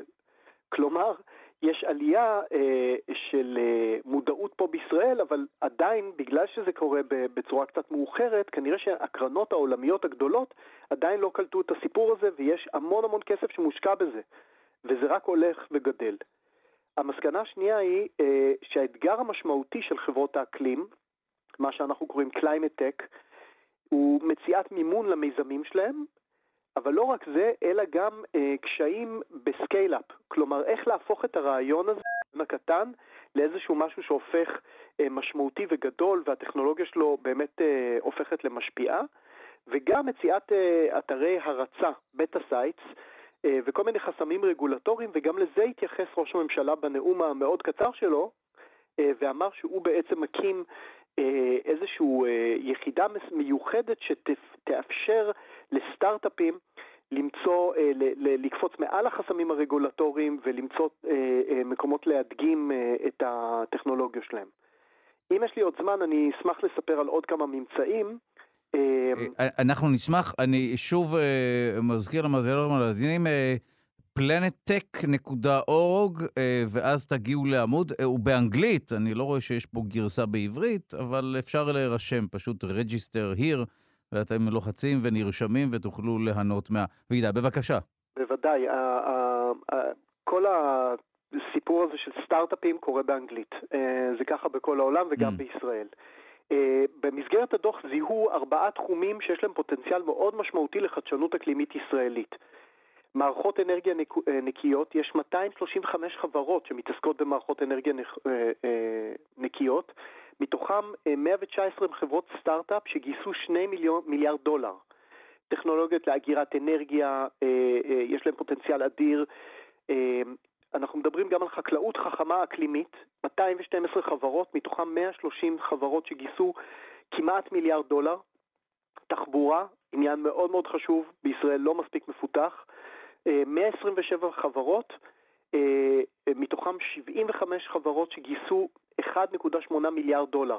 צריך להגיד עוד דבר אחד פה בקשר לדוח הזה, אה, הרבה מאוד מהחדשנות הזאת היא מפותחת בישראל, וכמו שאנחנו מכירים, לא מיושמת בישראל, וזה אחד הדברים העצובים, ואת זה חייבים לשנות. עוד עניין אחד שהוא נחשב מאוד מאוד פוטנצ... בעל פוטנציאל גבוה זה נושא החלבונים האלטרנטיביים בתחליפי בשר. יש היום 45 uh, חברות כאלה בישראל, מתוכם 42 חברות סטארט-אפ שגייסו כמעט חצי מיליארד דולר. וואו. Uh, מעניין מאוד. ובעצם אנחנו רואים שיש פה, אה, אה, החברות הצעירות מייצרות שלוש קבוצות עיקריות של תחומים טכנולוגיים. תחומים מבוססים, אה, שכוללים מערכות אנרגיה ותחבורה, תחומים צעירים, שכוללים חומרים חדשים, מעגליות, כלכלה מעגלית, אובדן ובזבוז מזון, ותחומים שהם בצמיחה מאוד מהירה, שכוללים את תחומי החלבונים האלטרנטיביים והבנייה הירוקה. ואנחנו כמובן מקווים שהדברים האלה אה, ייכנסו הרבה הרבה הרבה יותר אה, לתוך ה ecosystem שלנו, ה ecosystem של האקלים. יהיה אה, חלק מאוד מאוד משמעותי ב ecosystem הישראלי של אה, חברות הזנק סטארט-אפ. כבר אי אפשר להתעלם מהנושא הזה. תודה רבה לך, מעצב יאיר אנגל, מנכ"ל קיימה, מרכז לתכנון ועיצוב מקיים. תודה. תודה רבה ובוקר טוב.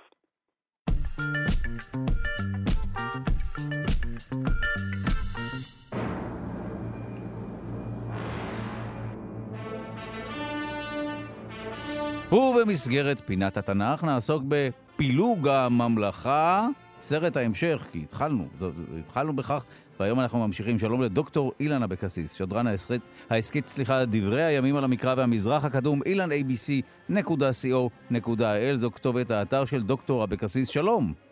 בוקר טוב למאזינים ולך, דודו. אז בוא נעשה, בפעם האחרונה, תעשה סיכום קצר, כי בכל זאת התחלנו לדבר על פילוג הממלכה. אה, כן, אה, שלמה מת, והבן שלו, הלך לקבל את הסכמת אנשי ישראל למלוכה עליהם. אני מזכיר שלא מדובר במדינה אחת, אלא בעצם מדובר בשתי ישויות פוליטיות תחת כתר אחד, כמו אוסטרו-הונגריה בשעתו.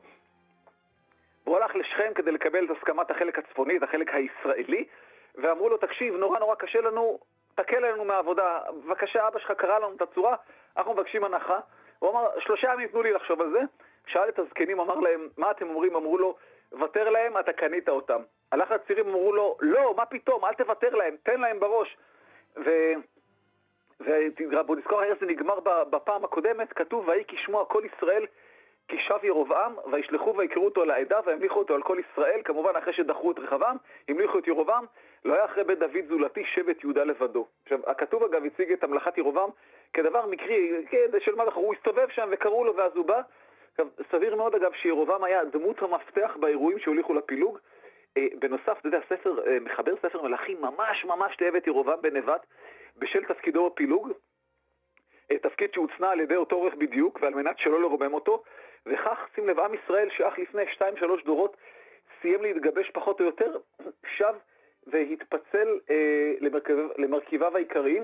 אני רוצה רק אה, כמה מילים ברשותך, אה, אה, אה, שתיים, אה, ממש קצרות, אבל אה, ממש... אה, אלה מוגבלות הפורמט, בוא נאמר, של מוצא עם ישראל. אני רוצה לומר שעם ישראל הוא תערובת של מספר קבוצות קרובות שהתייחסו או במציאות או באופן מלאכותי לאבות קדמונים משותפים, אברהם ויעקב. אה, יש לנו צפונים שזה יעקב והדרומים של אברהם, יש לנו את יוצאי מצרים שזה יוסף ומשה. גם כלבים וכנזים וגלעדים וגבעונים וכולי וכולי. היה ניסיון לחבר הכל בימי דוד והכל קרס. עכשיו בואו נראה איך הגיב רחבה מלך יהודה, זה שלא קיבל את בקשת העם. ויבוא רחבה מירושלים, ויקל את כל בית יהודה ואת שבט בנימין, 180 אלף בחור עושה מלחמה להילחם מבית ישראל, להשיב את המלוכה לרחבעם בן שלמה. ויהי דבר האלוהים אל שמעיה איש האלוהים לאמור, אמור אל רחבעם בן שלמה מלך יהודה, ואל כל בית יהודה ובנימין ויתר העם לאמור. כה אמר אדוני, לא תעלו ולא תילחמון עם אחיכם בני ישראל, שובו איש לביתו כי מעיטים יהיה הדבר הזה, וישמעו את דבר אדוני וישובו ללכת כדבר אדוני. עכשיו רחבעם בעצם ניסה לגייס צבא בהנחה שמה שלא הולך בכוח הולך בעוד יותר כוח, אולם שמעיה הנביא אמר לו שזה רצון האל. רצון אלוהים, יש פה גם שאלה פילוסופית מאוד מאוד חשובה. אם זה רצון האל, האם רחבעם באמת יכול היה לבחור בעצת הזקנים? Mm. אז אילו רחבעם אה, היה בוחר בעצת הזקנים, אה, האם היה פילוג נמנע? אה, לדעתי לא. אם לא רחבעם אז אביה, ואם לא אביה אז עשה. החיבור הזה לא היה מחזיק מעמד יותר מדי זמן. אתה יודע, זה, זה כל עוד יש מישהו, זה כמו סיר לחץ כזה, כל עוד המכסה מהודק היטב, אז הכל יושב במקום, וברגע שהמכסה טיפה מתרופף, הכל עף החוצה. אתן לך שתי דוגמאות מה, מה, או שלוש מההיסטוריה הקרובה שלנו. ברית המועצות, כל עוד הקומוניסטים שלטו שם ביד חזקה, הייתה מדינה אחת, איך שהם הלכו, הכל התפרק. יוגוסלביה של טיטו ויורשיו, כשהם הלכו, הכל התפרק, או עיראק של סדאם חוסיין, כשהוא הלך, עוד פעם, הכל מתפרק. אז גם פה, ברגע שאין מישהו חזק שמחזיק את זה, שלמה במקרה הזה, הכל מתפרק. עכשיו, עתה לאחר שירובעם הוא המלך, יש לבנות מסיד... מדינה ומוסדות יש מאין, שים לב מה כתוב, ויבן ירובעם את שכם בהר אפרים, ויש בה, ויצא, אה, ויצא משם ויבן את פנואל. קודם כל הוא קובע לו בירה חדשה. הבירה הראשונה הייתה שכם, אתה יודע, עיר קדושה, בעלת ייחוס לאבות, אברהם בנה שם מזבח, יעקב קנה שדה, יוסף קבור שם, ולאחר מכן הבירה עברה לפנואל, זה בעבר הירדן המזרחי. אה, גם בירה, אה, גם עיר בעלת מסורת קדושה, יעקב והמלאך נפגשו שם. עכשיו לא נכתב אבל מההמשך של ספר מלכים, אה, הבירה תעבור לתרצה, שזה לא רחוק משכם, לבסוף עמרי יעביר אותה לשומרון. שים לב דודו, לממלכת ישראל היו ארבע ערי בירה. אוקיי, וואו. והנה הגענו לאבי אבות הטומאה, אתה יודע, כשמחליפים את עיר הבירה, אתה מבין שהיציבות הפוליטית לא משהו. והנה הגענו לאבי אבות הטומאה אה, של ירובעם, המעשה שבעטיו הוא זכה לקיתונות של בוז וביקורת לאורך כל הדורות. כתוב, ויאמר ירובעם בליבו, אתה תשוב הממלכה לבית דוד. אם יעלה העם הזה לעשות זבחים בבית אדוני בירושלים, ושב לב העם הזה אל אדוניהם, אל רחבה מלך יהודה, שים לב, אדוניהם, מאיזה נקודת מבט זה נכתב, והרגוני, ושבו לרחבה מלך יהודה. ויבעץ המלך ויעש שני עגלי זהב, ויאמר אליהם, רב לכם מעלות ירושלים, הנה אלוהיך ישראל אשר העלוך מארץ מצרים, וישם את האחד בבית אל ואת האחד נתן בדן, ויהיה הדבר הזה לחטאת, וילכו העם לפני, לפני אחד עד דן. עכשיו, לכאורה אה, ירובעם אה, חשש שמא העם יעלה לירושלים על אדוניהם לרחבעם, אמרנו עוד פעם, תראה מי כתב את זה, ועל מנת שלא יתפתו לשוב אל רחבעם, הוא המציא להם תחליף. עכשיו, בדת ישראל קמים שני פלגים, הפלג הצפוני והפלג הדרומי. הפלג הדרומי רואה בירושלים את עיר הבחירה ובקרו, זה שור מחונף, את מושב האל או ייצוג האל, והפלג הצפוני רואה בשכם את עיר הבחירה ובהר גזיזים את המקום הקדוש, ובעגל את מושב או ייצוג האל. עכשיו, רחבעם הנהיג בעצם את הפולחן הצפוני, המוכר, הידוע. אין פה שום חידוש ושום חטא, לפחות באנשי, בעיני אנשי הצפון. הגינוי הנמרץ פה הוא כינוי של כעס ותסכול של העורך הדרומי, העורך היהודי או העורך הירושלמי. גם אמונה שלמה כי ירובעם החטיא את ישראל בחטא איום ונורא, וגם בסוף, בגלל החטא הזה, ספר מלכים טוען שחרבה ממלכת ישראל. ואחרי שהוא הקים את שני הגלים, הוא גם שיקם שני מרכזי פולחן עתיקים, בית אל ודן. בית אל ודן הרי קודש, בבית אל היה את חלום יעקב, ובדן אברהם מסתובב שם. עכשיו, ירובעם בעצם החזיר עטרה ליושנה. תחת מקדש המלוכה בדרום, בירושלים, הוא שיקם שני מקדשים בצפון. עכשיו, בית אל הייתה המקדש המרכזי שנים רבות, גם בימי ירובעם השני, כמעט 200 שנה אחר כך, יש נזכר עימות בין אה, עמוס הנביא לבין אה, אמציה כהן בית אל. הוא גם המשיך בתיקוני הפולחן שלו, ויעש את בית הבמות, ויעש כהנים מקצות העם אשר לא היו מבני לוי. הוא הקים בית במות, לכאורה, אה, בניגוד לחוקי ספר דברים, מחוץ למקום אשר נבחר. הוא מינה כהנים שלא משבט לוי. לכאורה מעשה אה, מאוד מגונה, אבל מתברר שהיו תקדימים. שים לב, דודו, מה נכתב על דוד המלך. כתוב במקום אחד, ובני דוד כהנים היו. במקום אחר כתוב, וגם עירה יעירי. היעירי היה כהן לדוד, יאיר מאזור הגלעד. כן. ומה קרה פה בעצם? אה, ירובעם סילק גורמים נאמנים לבית דוד, ומינה את אנשי שלמה. אתה מכיר, זה כמו בארצות הברית, מתחלף נשיא, כל וושינגטון עוזבת ווושינגטון חדשה נכנסת לתפקיד. אתה יודע, לחלק ג'ובים למקורבים, ככה זה עובד, אתה יודע, תמיד אתה מתגמל את הנאמנים שלך בג'ובים ובמשרות. אה, והנה עוד פעולה מאוד מאוד חשובה, כתוב ויעש ירובעם חג בחודש השמיני. עכשיו, כשאומרים חג בתנ"ך, בלי חג לבד, תמיד זה חג סוכות. אה, בחודש השמיני, בחמישה עשרים לחודש, כחג אשר ביהודה, והיה לה למזבח כן עשה בבית אל לזבח לעגלים אשר עשה, והעמיד בבית אל את כהני הבמות אשר עשה, והיה לה למזבח אשר עשה בבית אל בחמישה עשר יום, בחודש השמיני, בחודש אשר בדה מליבו, והיה חג לבני ישראל, והיה לה למזבח להקטיר. בעצם מה קרה? החודש השמיני זה מר חשוון, הוא הזיז את סוכות חודש קדימה. אנחנו חוגגים את סוכות בתשרה, הוא חגג את סוכות חשוון. עכשיו, גם כפי הנראה יש פה אה, החזרת עטרה ליושנה, אתה יודע שסוכות הוא חג חקלאי. ולכן הוא תלוי עונת השנה. עכשיו, בישראל הצפונית ההבשלה ולכן האסיף מאוחרים מאשר ביהודה הדרומית, קצת יותר קר, אז מאוד מאוד הגיוני לחגוג את סוכות חודש קדימה. אבל יש אה, עוד משהו חשוב, דודו, שים לב, מי ששולט בזמן, שולט במרחב. מה הכוונה? מי שקובע מתי החגים, שולט איך נראה המרחב הציבורי. זו אמירה כמעט פיזיקלית, אבל מעניין, אוקיי. כן, כן, לא, אבל אני מזכיר לך אגב סיפור על רבי יהושע שערער על סמכותו של רבן גמליאל לקבוע את מולד הירח וטען לחישוב אחר, ורבן גמליאל הכריח את רבי יהושע לבוא אליו במקלו במעותיו ביום כיפור של רבי יהושע, שהוא לא יום כיפור של רבן, רבן גמליאל, מתוך הבנה שאי אפשר אה, שני לוחות שנה. תאר לך עכשיו שיקום איזה פלג ביהדות ויגיד, היום לא יום אה, שלישי, היום יום רביעי. אז זה אומר שהשבת שלנו והשבת שלהם היא תהיה שבת שונה, ומפה הדרך לפילוג היא מאוד מאוד קצרה. כן? עכשיו, אה, מה שירובעם עשה, הוא עבר ללוח אחר, וכך הוא ניתק את עצמו מהלוח הקודם. אתה, אני מניח שאתה שמעת, דודו, על הניסיון ליצור לוח שנה חדש אחרי המהפכה הצרפתית, אה, ניסיון שלא כל כך הצליח, אמנם היו בו 12 חודשים, אבל בכל חודש שלושה שבועות בני עשרה ימים, וכל יום חולק לעשר שעות, כל שעה חולקה למאה דקות, וכל דקה למאה כן, שניות. טוב, לא תפס. כן, כן, אה, אם כי נפוליאון בחוכמתו כי רבה ביטל את השטות הזאת, כי ניסו לעשות, להתנתק מהכנסייה ועל בסיס עשר, לשמחתנו זה לא הלך. עכשיו, ולקראת סיום דודו אני רק אזכיר כי חז"ל הרבו לעסוק בדמותו של ירובעם, ששיטתם אחראי לרוב הצרות, הפגעים והאסונות של עם ישראל מאז ועד היום. עכשיו נראה רק דוגמה אחת, שים לב מה נכתב בתלמוד הירושלמי. כתוב ככה, יום שהעמיד ירובעם שני עגלי זהב, באו רומוס ורומולוס ובנו שני צריפים ברומי. עכשיו, זה מרתק דודו, וזה משפט הסיום. אתה מבין, חורבן בית שני בשנת 70 לספירה, כמעט אלף שנה אחרי הפילוג, הוא בשל חטאי ירובעם. אנחנו אה, נודה לך, דוקטור אילן אבקסיס, שדרן ההסכת דברי הימים על המקרא והמזרח הקדום, אילן abc.co.il. תודה. תודה לך ולמאזינים.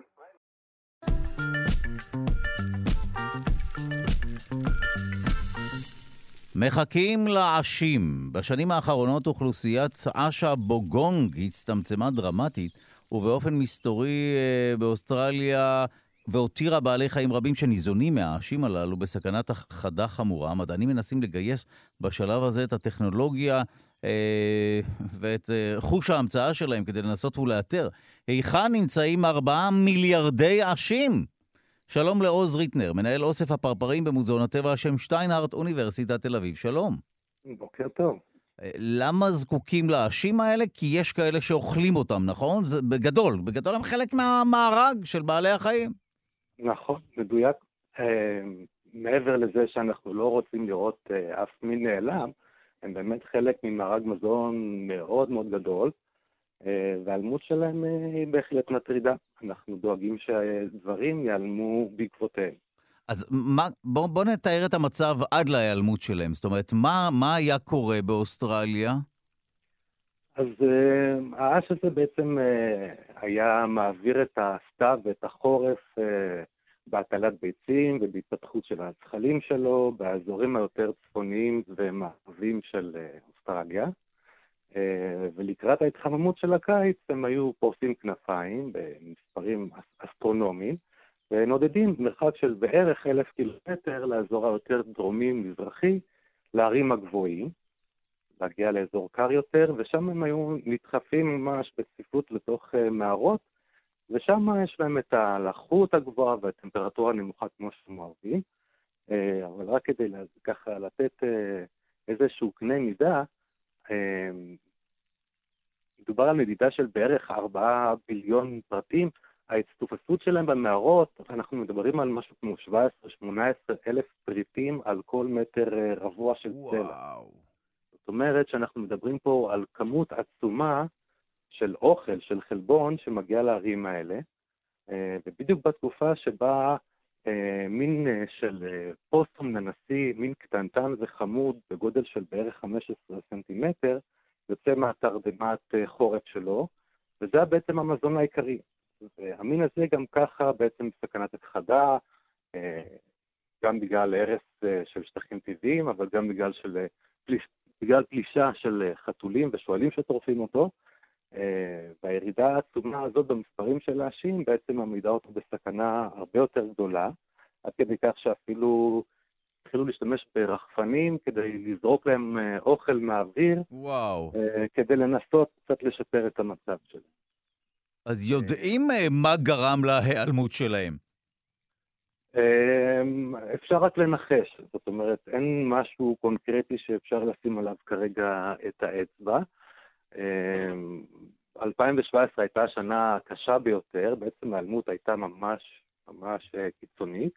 אמ, ב-2019 אנחנו רואים איזושהי עלייה, אפילו עלייה יפה.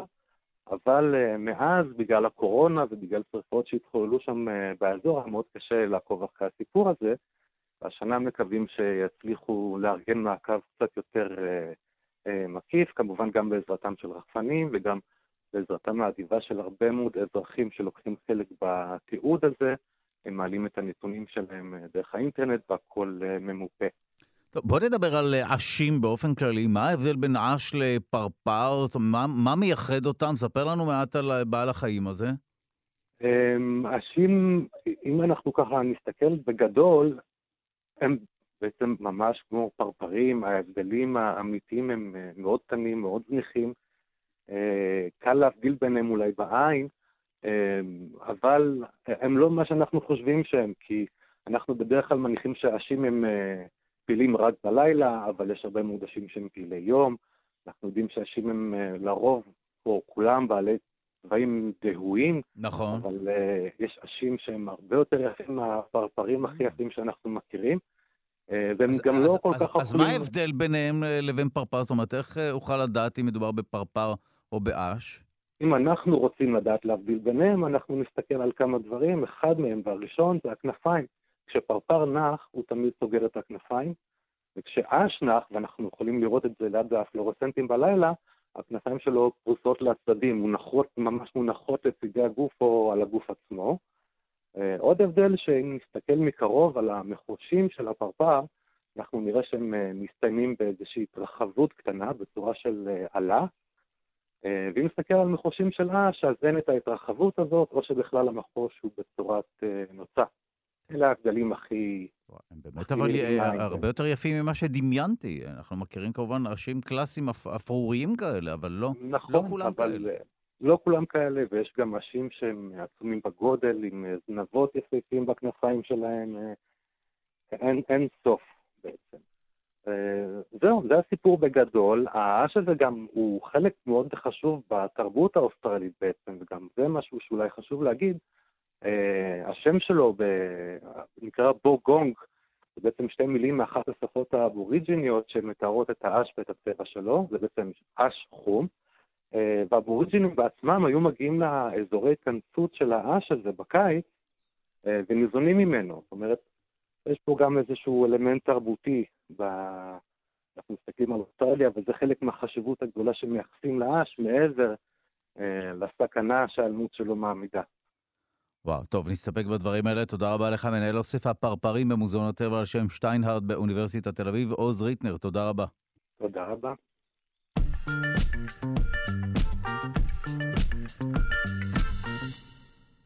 כרישים בחדרה. עשרות כרישים תועדו כשהם שוחים במים החמימים שבסמוך לתחנת הכוח. בחדרה מספר הכרישים הוא בין 20 ל-30 וברשות הטבע והגנים מזהירים מפני צלילה ליד הכרישים. שלום לעדי ברש, יושבת ראש עמותת כרישים בישראל ודוקטורנטית באוניברסיטת חיפה. שלום. אהלן. אנחנו התלבטנו אם לפתוח את האייטם הזה עם המוסיקה המפורסמת של מלטעות, אבל אני תמיד חושש שזה יגרום לאנשים עוד יותר לפחד מקרישים ואפילו חלילה לפגוע בהם, כי את זה אנחנו לא רוצים שיקרה. ואיזה כיף שלא פתחתם עם המוזיקה הזאת. תשמעי, אני עוד מתלבט, אולי אנחנו נשלוף אותה ב... אז בואי בוא נתחיל מההתחלה. מה בדיוק קורה? אני מבין שמדובר באיזשהו ריטואל שנתי, נכון? בכל שנה זה קורה. כן, אז כל, כל חורף הם מגיעים למים החמים, זה לא רק בחדרה, זה קורה גם באשדוד ובאשקלון, קצת ב... טיפה שונה בזמנים, אבל בסך הכל את החורף הם מבלים בתחנות כוח שלנו, אה, וזה קורה רק אצלנו, לא מצאנו תיעוד כזה משום מקום אחר בעולם. עכשיו, מה הם מחפשים? למה דווקא עכשיו? למה דווקא שם? חם שם, נעים. יש שם, אה, המים שחברת חשמל מוציאים הם אה, בערך 8 מעלות מעל המים של הים. ובחורף זה נעים, הים התיכון שלנו מתקרר ל-16-17 מעלות, אז, אז זה נותן טמפרטורה מאוד נעימה בחורף. הם גילו את המקום הזה והם יושבים שם, הם עושים שם את החורף. טוב, אנחנו אה, יודעים שיש הרבה מאוד אה, זנים, סוגים של כרישים, מינים, אה, באילו כרישים מדובר? יש שם שני מינים עיקריים שאנחנו מכירים, שזה כריש אפורי וכריש סנפרטן. אפורי הוא מגיע לשלוש וחצי מטר בדרך כלל מה שאנחנו רואים בתחנה, וסרטן הוא בסביבות השני מטר. כן, זה חיות גדולות. קשה לפספס את החיות האלה. אז מה הם עושים שם ומתי הם יעזבו? הם באים בדרך כלל בנובמבר, השנה פשוט מרוב שכבר מכירים אותם, אז, אה, אז אה, אילן אה, אלגבלי הצלם יצא לחפש אותם כבר עם הרחפן לפני וגילה אותם כבר עכשיו. אז יכול להיות ש, שבגלל זה הוקדמה העונה, בגלל החיפושים. אבל בעיקרון הם מגיעים בסביבות נובמבר ועוזבים במאי, אחרי שהמים מתחילים להתחמם בחזרה בים. טוב, בואי נדבר על האזהרה של רשות הטבע והגנים. אה, ממה בדיוק צריך אה, להיזהר? זאת אומרת, מה נכון לא לעשות כדי לא אה, לקבל איזו נשיכה או משהו כזה? אנחנו בעמותה, אה, בקרישים בישראל, אנחנו עובדים כבר הרבה שנים על לצעוק כריש כריש, על משקל זאב זאב, שאנשים כבר יבינו שיש פה כרישים, יתרגלו. ויפסיק הפחד הזה שחוזר כל שנה. אמ, ו... אבל מי, ש... מי שחושב להיכנס למים ושכח שיש כרישים, אז שכח כנראה מה שהיה שנה שעברה. כי כל שנה זה הולך ומחמיר, וכמות האנשים שנכנסים למים ושוחים ומשנרקלים ומכניסים את הילד עם הרגליים, עם הזה, ו- וכמות האנשים שם שנה שעברה הייתה לא הגיונית בעליל, והמצב הזה הוא מצב מסוכן. לא בגלל שכרישים אוכלים אנשים, אלא בגלל שאנשים מגזימים. ואי אפשר לשחות שם, זאת להקה של 30 חיות בר גדולות שמסתובבות, אוכלות, חיות. אנחנו לא יכולים להידחף להם באמצע, אנחנו בטח לא יכולים להידחף להם באמצע ולצפות שהכל יהיה בסדר. בנוסף, זה גם, זו תחנת כוח, יש שם זרמים, יש שם אה, הרבה כוחות ש, שרוב האנשים לא מודעים אליהם ולא מכירים, ויש שם המון ציוד דייג, המון קרסים, גם קרסים שמחוברים לכרישים. אם אתה נתפס על קרס שמחוברת לכריש, זה לא מצב שרוצים להיכנס אליו, זה לא מקום לשחות בו, זה לא מקום להיכנס למים, זה לא מקום להסתובב. יש אזור דרומה יותר ש- שהוא לא אסור לשחייה, אבל באזור של הכרישים לא, לא צריך להסתובב בפנים. זה, זה, זה גם היגיון בריא, אה, וגם אני מקווה שעיריית חדרה שוב תעשה את מה שהיא עשתה בשנה שעברה ו- ו- ותשמור ותאכוף את הכניסה למים, כי זה באמת מגיע למצב שאין ברירה. זה כבר לא שניים, שלושה אנשים, זה, זה, זה פסטיבל שלם. הכרישים רואים בנו כמזון, או שאם הם תוקפים זה כי הם מבוהלים, או כי הם מתבלבלים וכולי? זאת שאלה קלה. הם לא תוקפים. כרישים לא תוקפים אנשים, כרישים לא אוכלים אנשים. אמ, אז אה, זה בכלל לא, זה בכלל לא שאלה. אמ, לא, אנחנו גם אה, פחות או יותר באותו גודל שלהם, זה אין, אין רלוונטיות בין לבין, אבל הם יכולים לראות בנו איום. ואם mm. אנחנו מגזימים, בשנה שעברה רדפו אחריהם, תפסו להם בזנבות, נפלו עליהם מהסאפ, אה, זה רק מה שצולם, אבל אני בטוחה שהיה שם עוד הרבה חוץ מזה. אנחנו הבעיה, אנחנו המטרידים במקרה הזה. תמיד. כן, אנחנו, אוקיי, אנחנו זו, נקודה חשובה, אבל, כי שוב... להרגיש. כן, זהו, אנחנו, עם, עם כל הצחוק וכולי, אלה באמת אה, חיות אה, יחסית נדירות, לא במצב מי יודע מה, ואנחנו לא רוצים לפגוע בהם ולהיקלע לסיטואציה. זה סכנת החדש, נפרטן, כן. נכון. ואז כמובן מי שישלם את המחיר, אם ויקרה משהו, זה, זה כמובן הקרשים. אבל חוץ מזה, זה גם מקום מדהים. כי איפה אתה יכול ללכת ולראות קרשים ככה מהחוף בגודל כזה, ולחיות ככה טבע ימי לאדם מן השורה שלא צולל ולא נוסע לגלפגוס, הם לא זוכים לראות כזה דבר, אז זה מקום מדהים. וצריך להשתמש בזה, צריך לבנות איזושהי מרפסת ש- שגבוהה, שאפשר לראות ממנה, אפשר לעשות תצפית אמיתית, זה, זה על שביל ישראל, זה מקום מדהים. אה, ואנחנו משתדלים, אנחנו נתחיל הדרכות עוד מעט גם בחדרה בשביל להסביר לאנשים על התופעה ועל כל, ה... כל הקונפליקט המשוגע. האמת של... למה לא באמת. למנף את הנוכחות שלהם באמת לכל מיני אה, סיורים וכולי מודרכים למשפחות? זה יכול להיות אז, אה, נהדר? אה, יש שם פרויקט של הרבה גופים ירוקים, ש... בהנהגה של אה, רשות טבע והגנים ועיריית חדרה וכל מיני אקו-אושן והמון אה, עמותות שאני שוכחת עכשיו, ואנחנו כמובן שאנחנו עושים שם עמדות הסברה כל שבת. אז זה היה בשנים האחרונות, חוץ מהקורונה, ואני מקווה שזה יפעל גם השנה. זה כנראה יפעל גם השנה, שזה עמדת הסברה פתוחה למי שמגיע.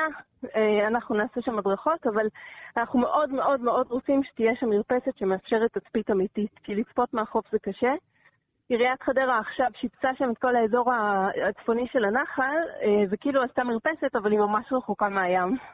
אז אי אפשר לראות משם. מה נוכחות של כרישים עושה לנדלן באזור? האם זה מעלה את הנדלן או מוריד אותו? אנחנו תכף נראה, כי כל האזור שם של אולגה הולך להיבנות בשכונה ענקית. אה, זה מעלה אותו. אני משער שזו יהיה עוד אטרקציה שאנשים ירצו לראות זה מהסלון. מקום מדהים, יש לנו חברים אה, חוקרים מאוסטריה שעלו על מטוס, באו לאולגה לשלושה ימים ונסעו הביתה. הם רצו לראות את זה.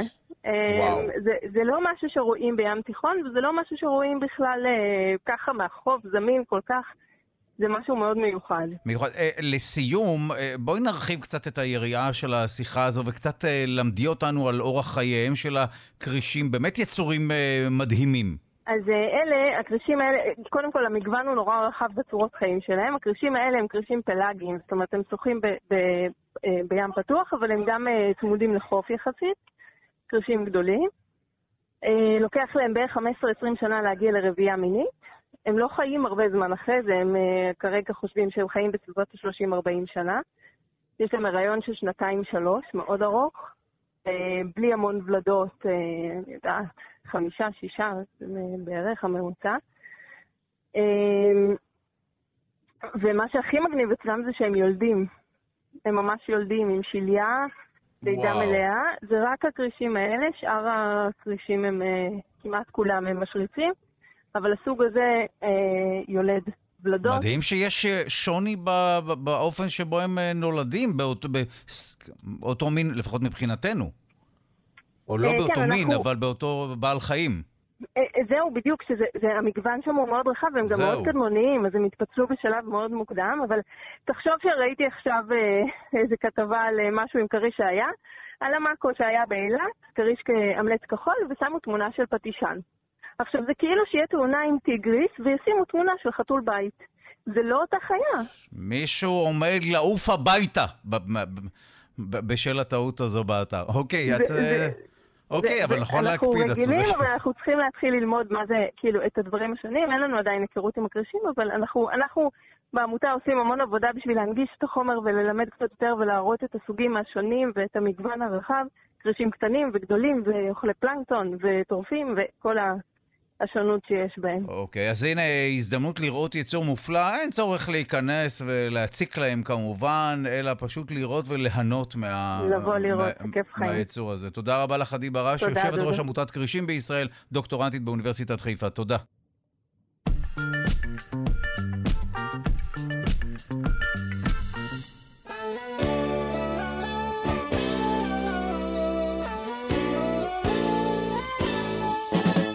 זהירות בדרכים זהירות סרפנטינה. במסגרת פינת הלשון נעסוק באיות אחיד בשילוט דרכים. אנחנו שמחים לומר שלום ללשונאית הבית שלנו, דוקטור סמדר כהן, שלום.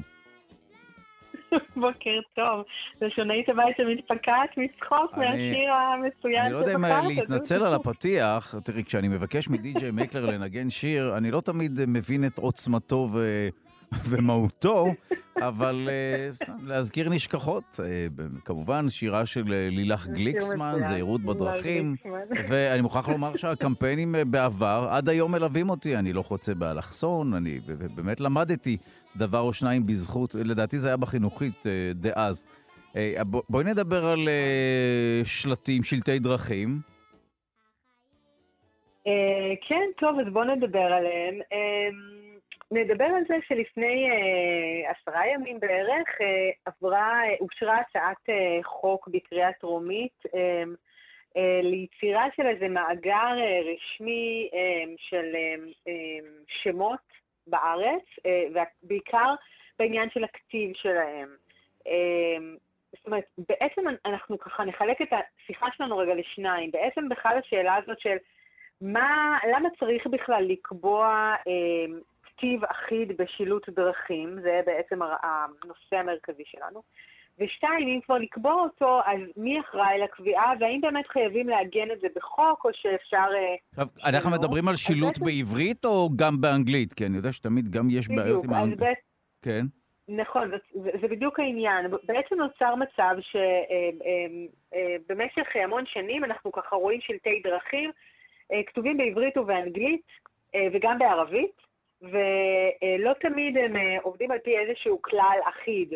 יש אה, למשל, אה, נגיד, אתה יכול למצוא של, שלט שכתוב בו ברוכים הבאים, אם אנחנו מתכוונים להגיע לעיר פתח תקווה, אז אנחנו יכולים למצוא פתח תקווה בוו אחת, בשתי ו"ים בעברית. אנחנו יכולים למצוא פתח תקווה באנגלית עם W. אנחנו יכולים למצוא תחת ה-H נקודה ותחת ה-H קו וגם שום דבר. ואפילו יש עדיין שלטים שיש בהם זכר uh, לכתיב יותר עתיק של uh, פתח שכתוב ב-KH בסוף, במקום H לבדה. וואו.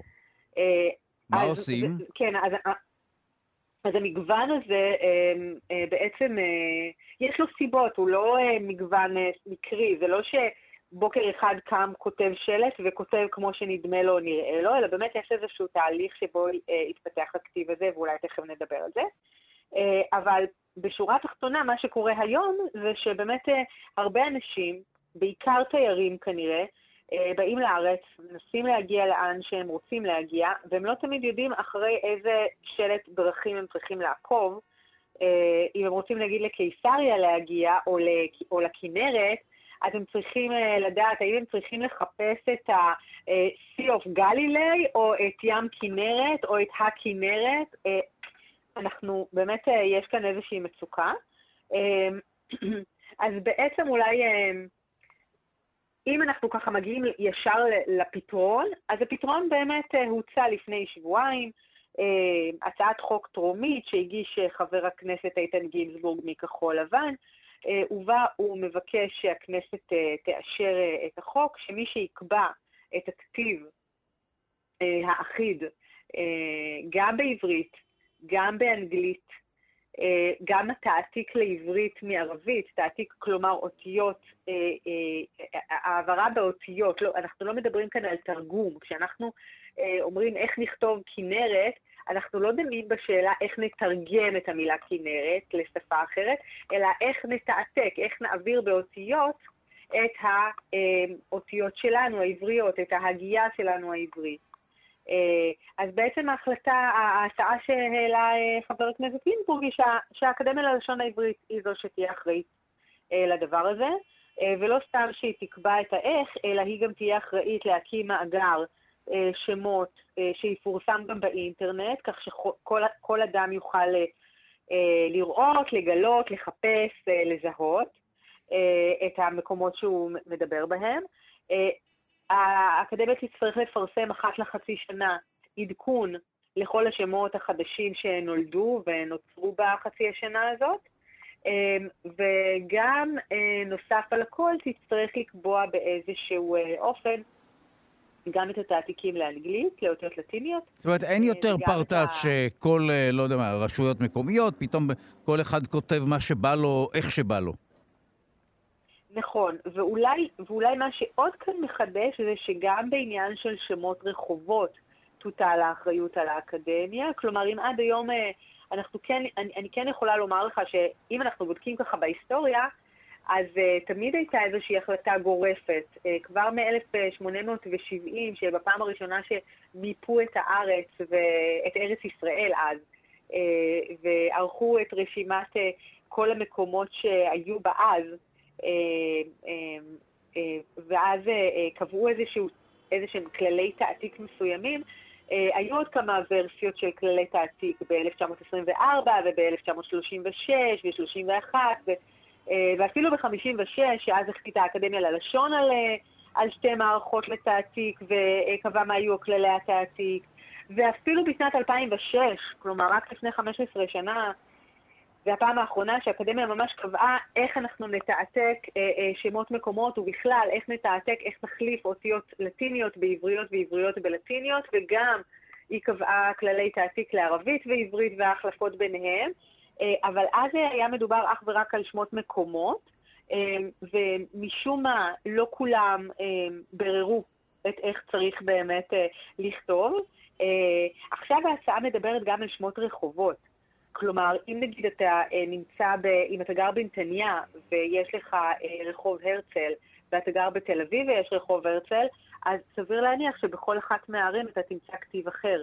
פעם תמצא TA, TZ, ופעם תמצא TS, בשביל הצדי הזו, ופעם אפילו תמצא זין, הרזל, יש גם כאלה. אז, או נגיד צפת, אתה מוצא זפת, ואתה מוצא צפת, ואתה מוצא ופת, זאת אומרת, באמת המון המון המון אה, אה, אפשרויות. אז עכשיו מה שאומרת, אה, מה שאומרת הצעת החוק זה שהאקדמיה תהיה אחראית גם לקביעת שמות רחובות. לא יהיה יותר אבן גבירול, אבן גבירול, אבן גבירול, אבן גבירול. יהיה אחד וזהו.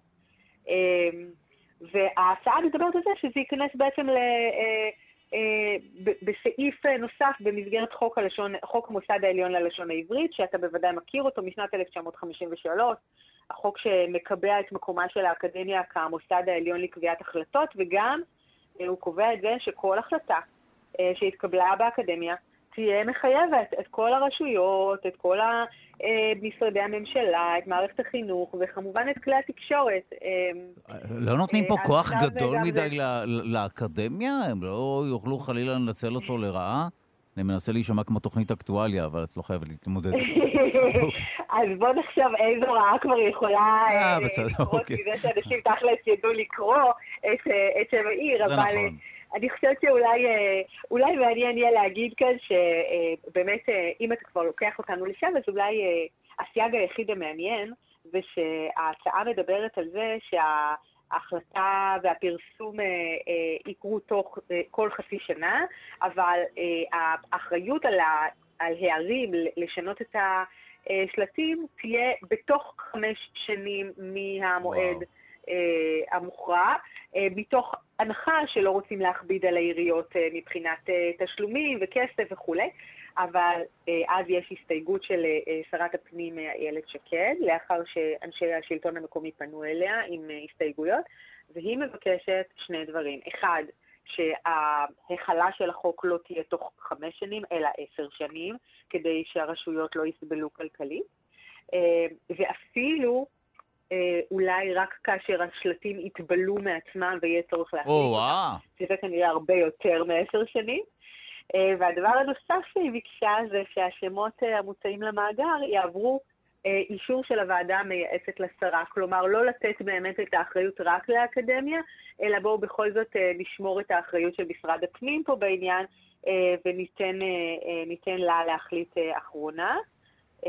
אולי הדבר היחיד שכנראה יקרה מזה, וזה כדי שאלכס, המפיקה שלך, ככה תנוח דעתה, אז כנראה לא יכתבו יותר פתח תקווה, אלא פתח תקווה, כי התעתיק הזה של W, שהיה מייצג פעם ו', mm. אה, ייעלם לחלוטין כאן. כי הוא כבר לא טוב. תואם את ההגייה שלנו. לגמרי. טוב, אנחנו אה, נסתפק בדברים האלה. תודה רבה לך, דוקטור סמדר כהן, לשונאית הבית שלנו. תודה. תודה, דודו. להתראות.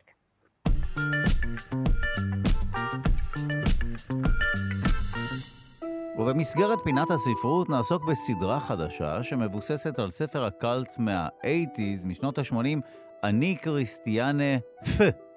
שלום לראש מחלקת ספרות עברית בזמורה ביטן דביר ומגישת ההסכת האחיות גרים בגלי צה"ל, נועה מנהיים, שלום. שלום, שלום. אני זוכר את הספר מילדות, אבל הייתי בטוח שזה פיי. טוב, כי אנחנו בעברית, אבל זה F. נכון, שמה האמיתי של הנערה הוא אה, קריסטיאנה פלשרינו.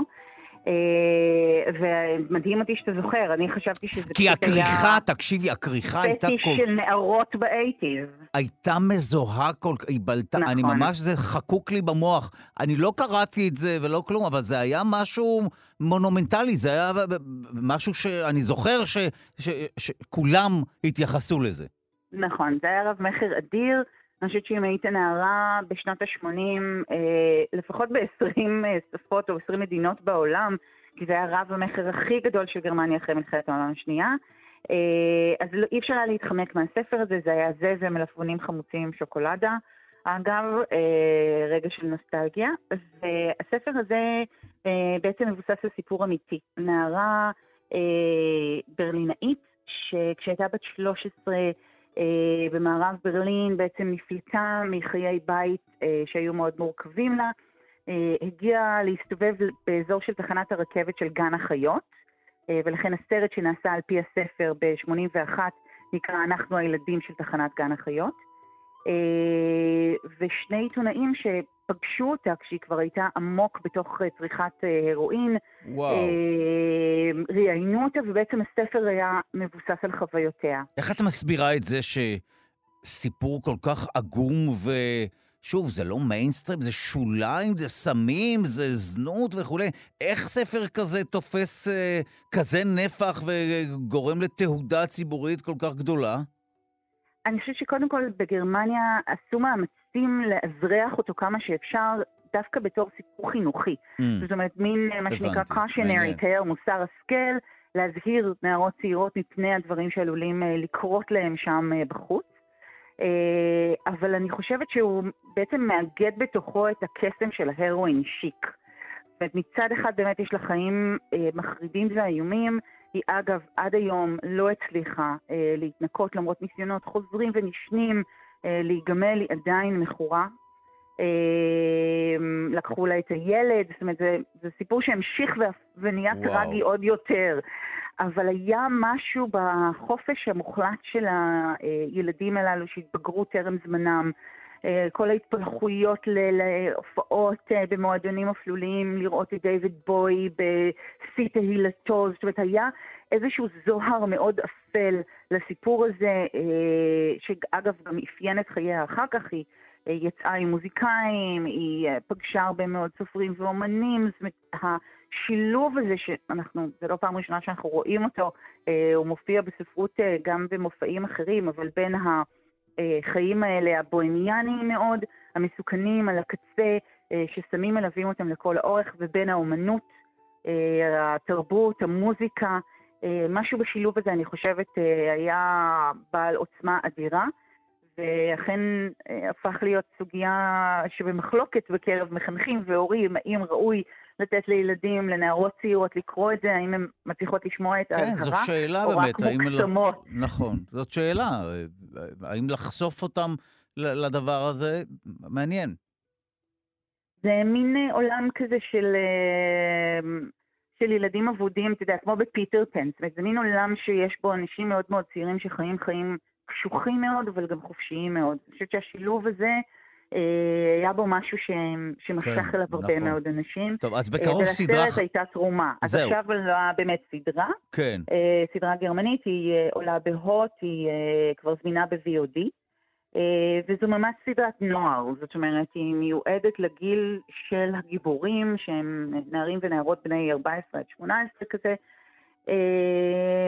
והיא מאוד מיופייפת, זאת אומרת, הם נראים כולם לבושים בבגדי 70's מגניבים כאלה, עושים דברים מגניבים, זאת אומרת, יש שם איזושהי תחושה של... באמת ניסיון אה, להחליק על המהמורות הקצת יותר אה, בעייתיות בסיפור. אה, אז אני חושבת שאני בתור מי שקרא את הספר בגיל המתאים, או הלא מתאים, אה, ומאוד מאוד אהבה אותו, okay. אוקיי. אה, היה לי קשה עם הסדרה, היא נראתה לי קצת יותר מדי אה, מלוטשת, זאת אומרת, חסר היה לי החצפוס שהיה בספר.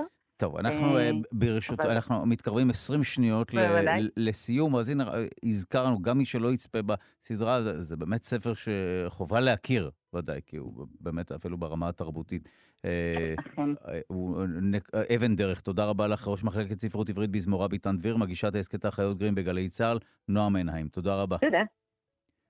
אנחנו סיימנו את התוכנית להיום, העורך שלנו הוא רז חסון, המפיקה היא אלכסנדר לויקר, הביצוע הטכני די.ג'י אלון מקלר, תודה רבה ליגאל שפירא שמלווה אותנו. מחר תוכנית חדשה, שמרו על עצמכם, הקפידו על עטיית מסכות, גשו להתחסן, להתראות מחר.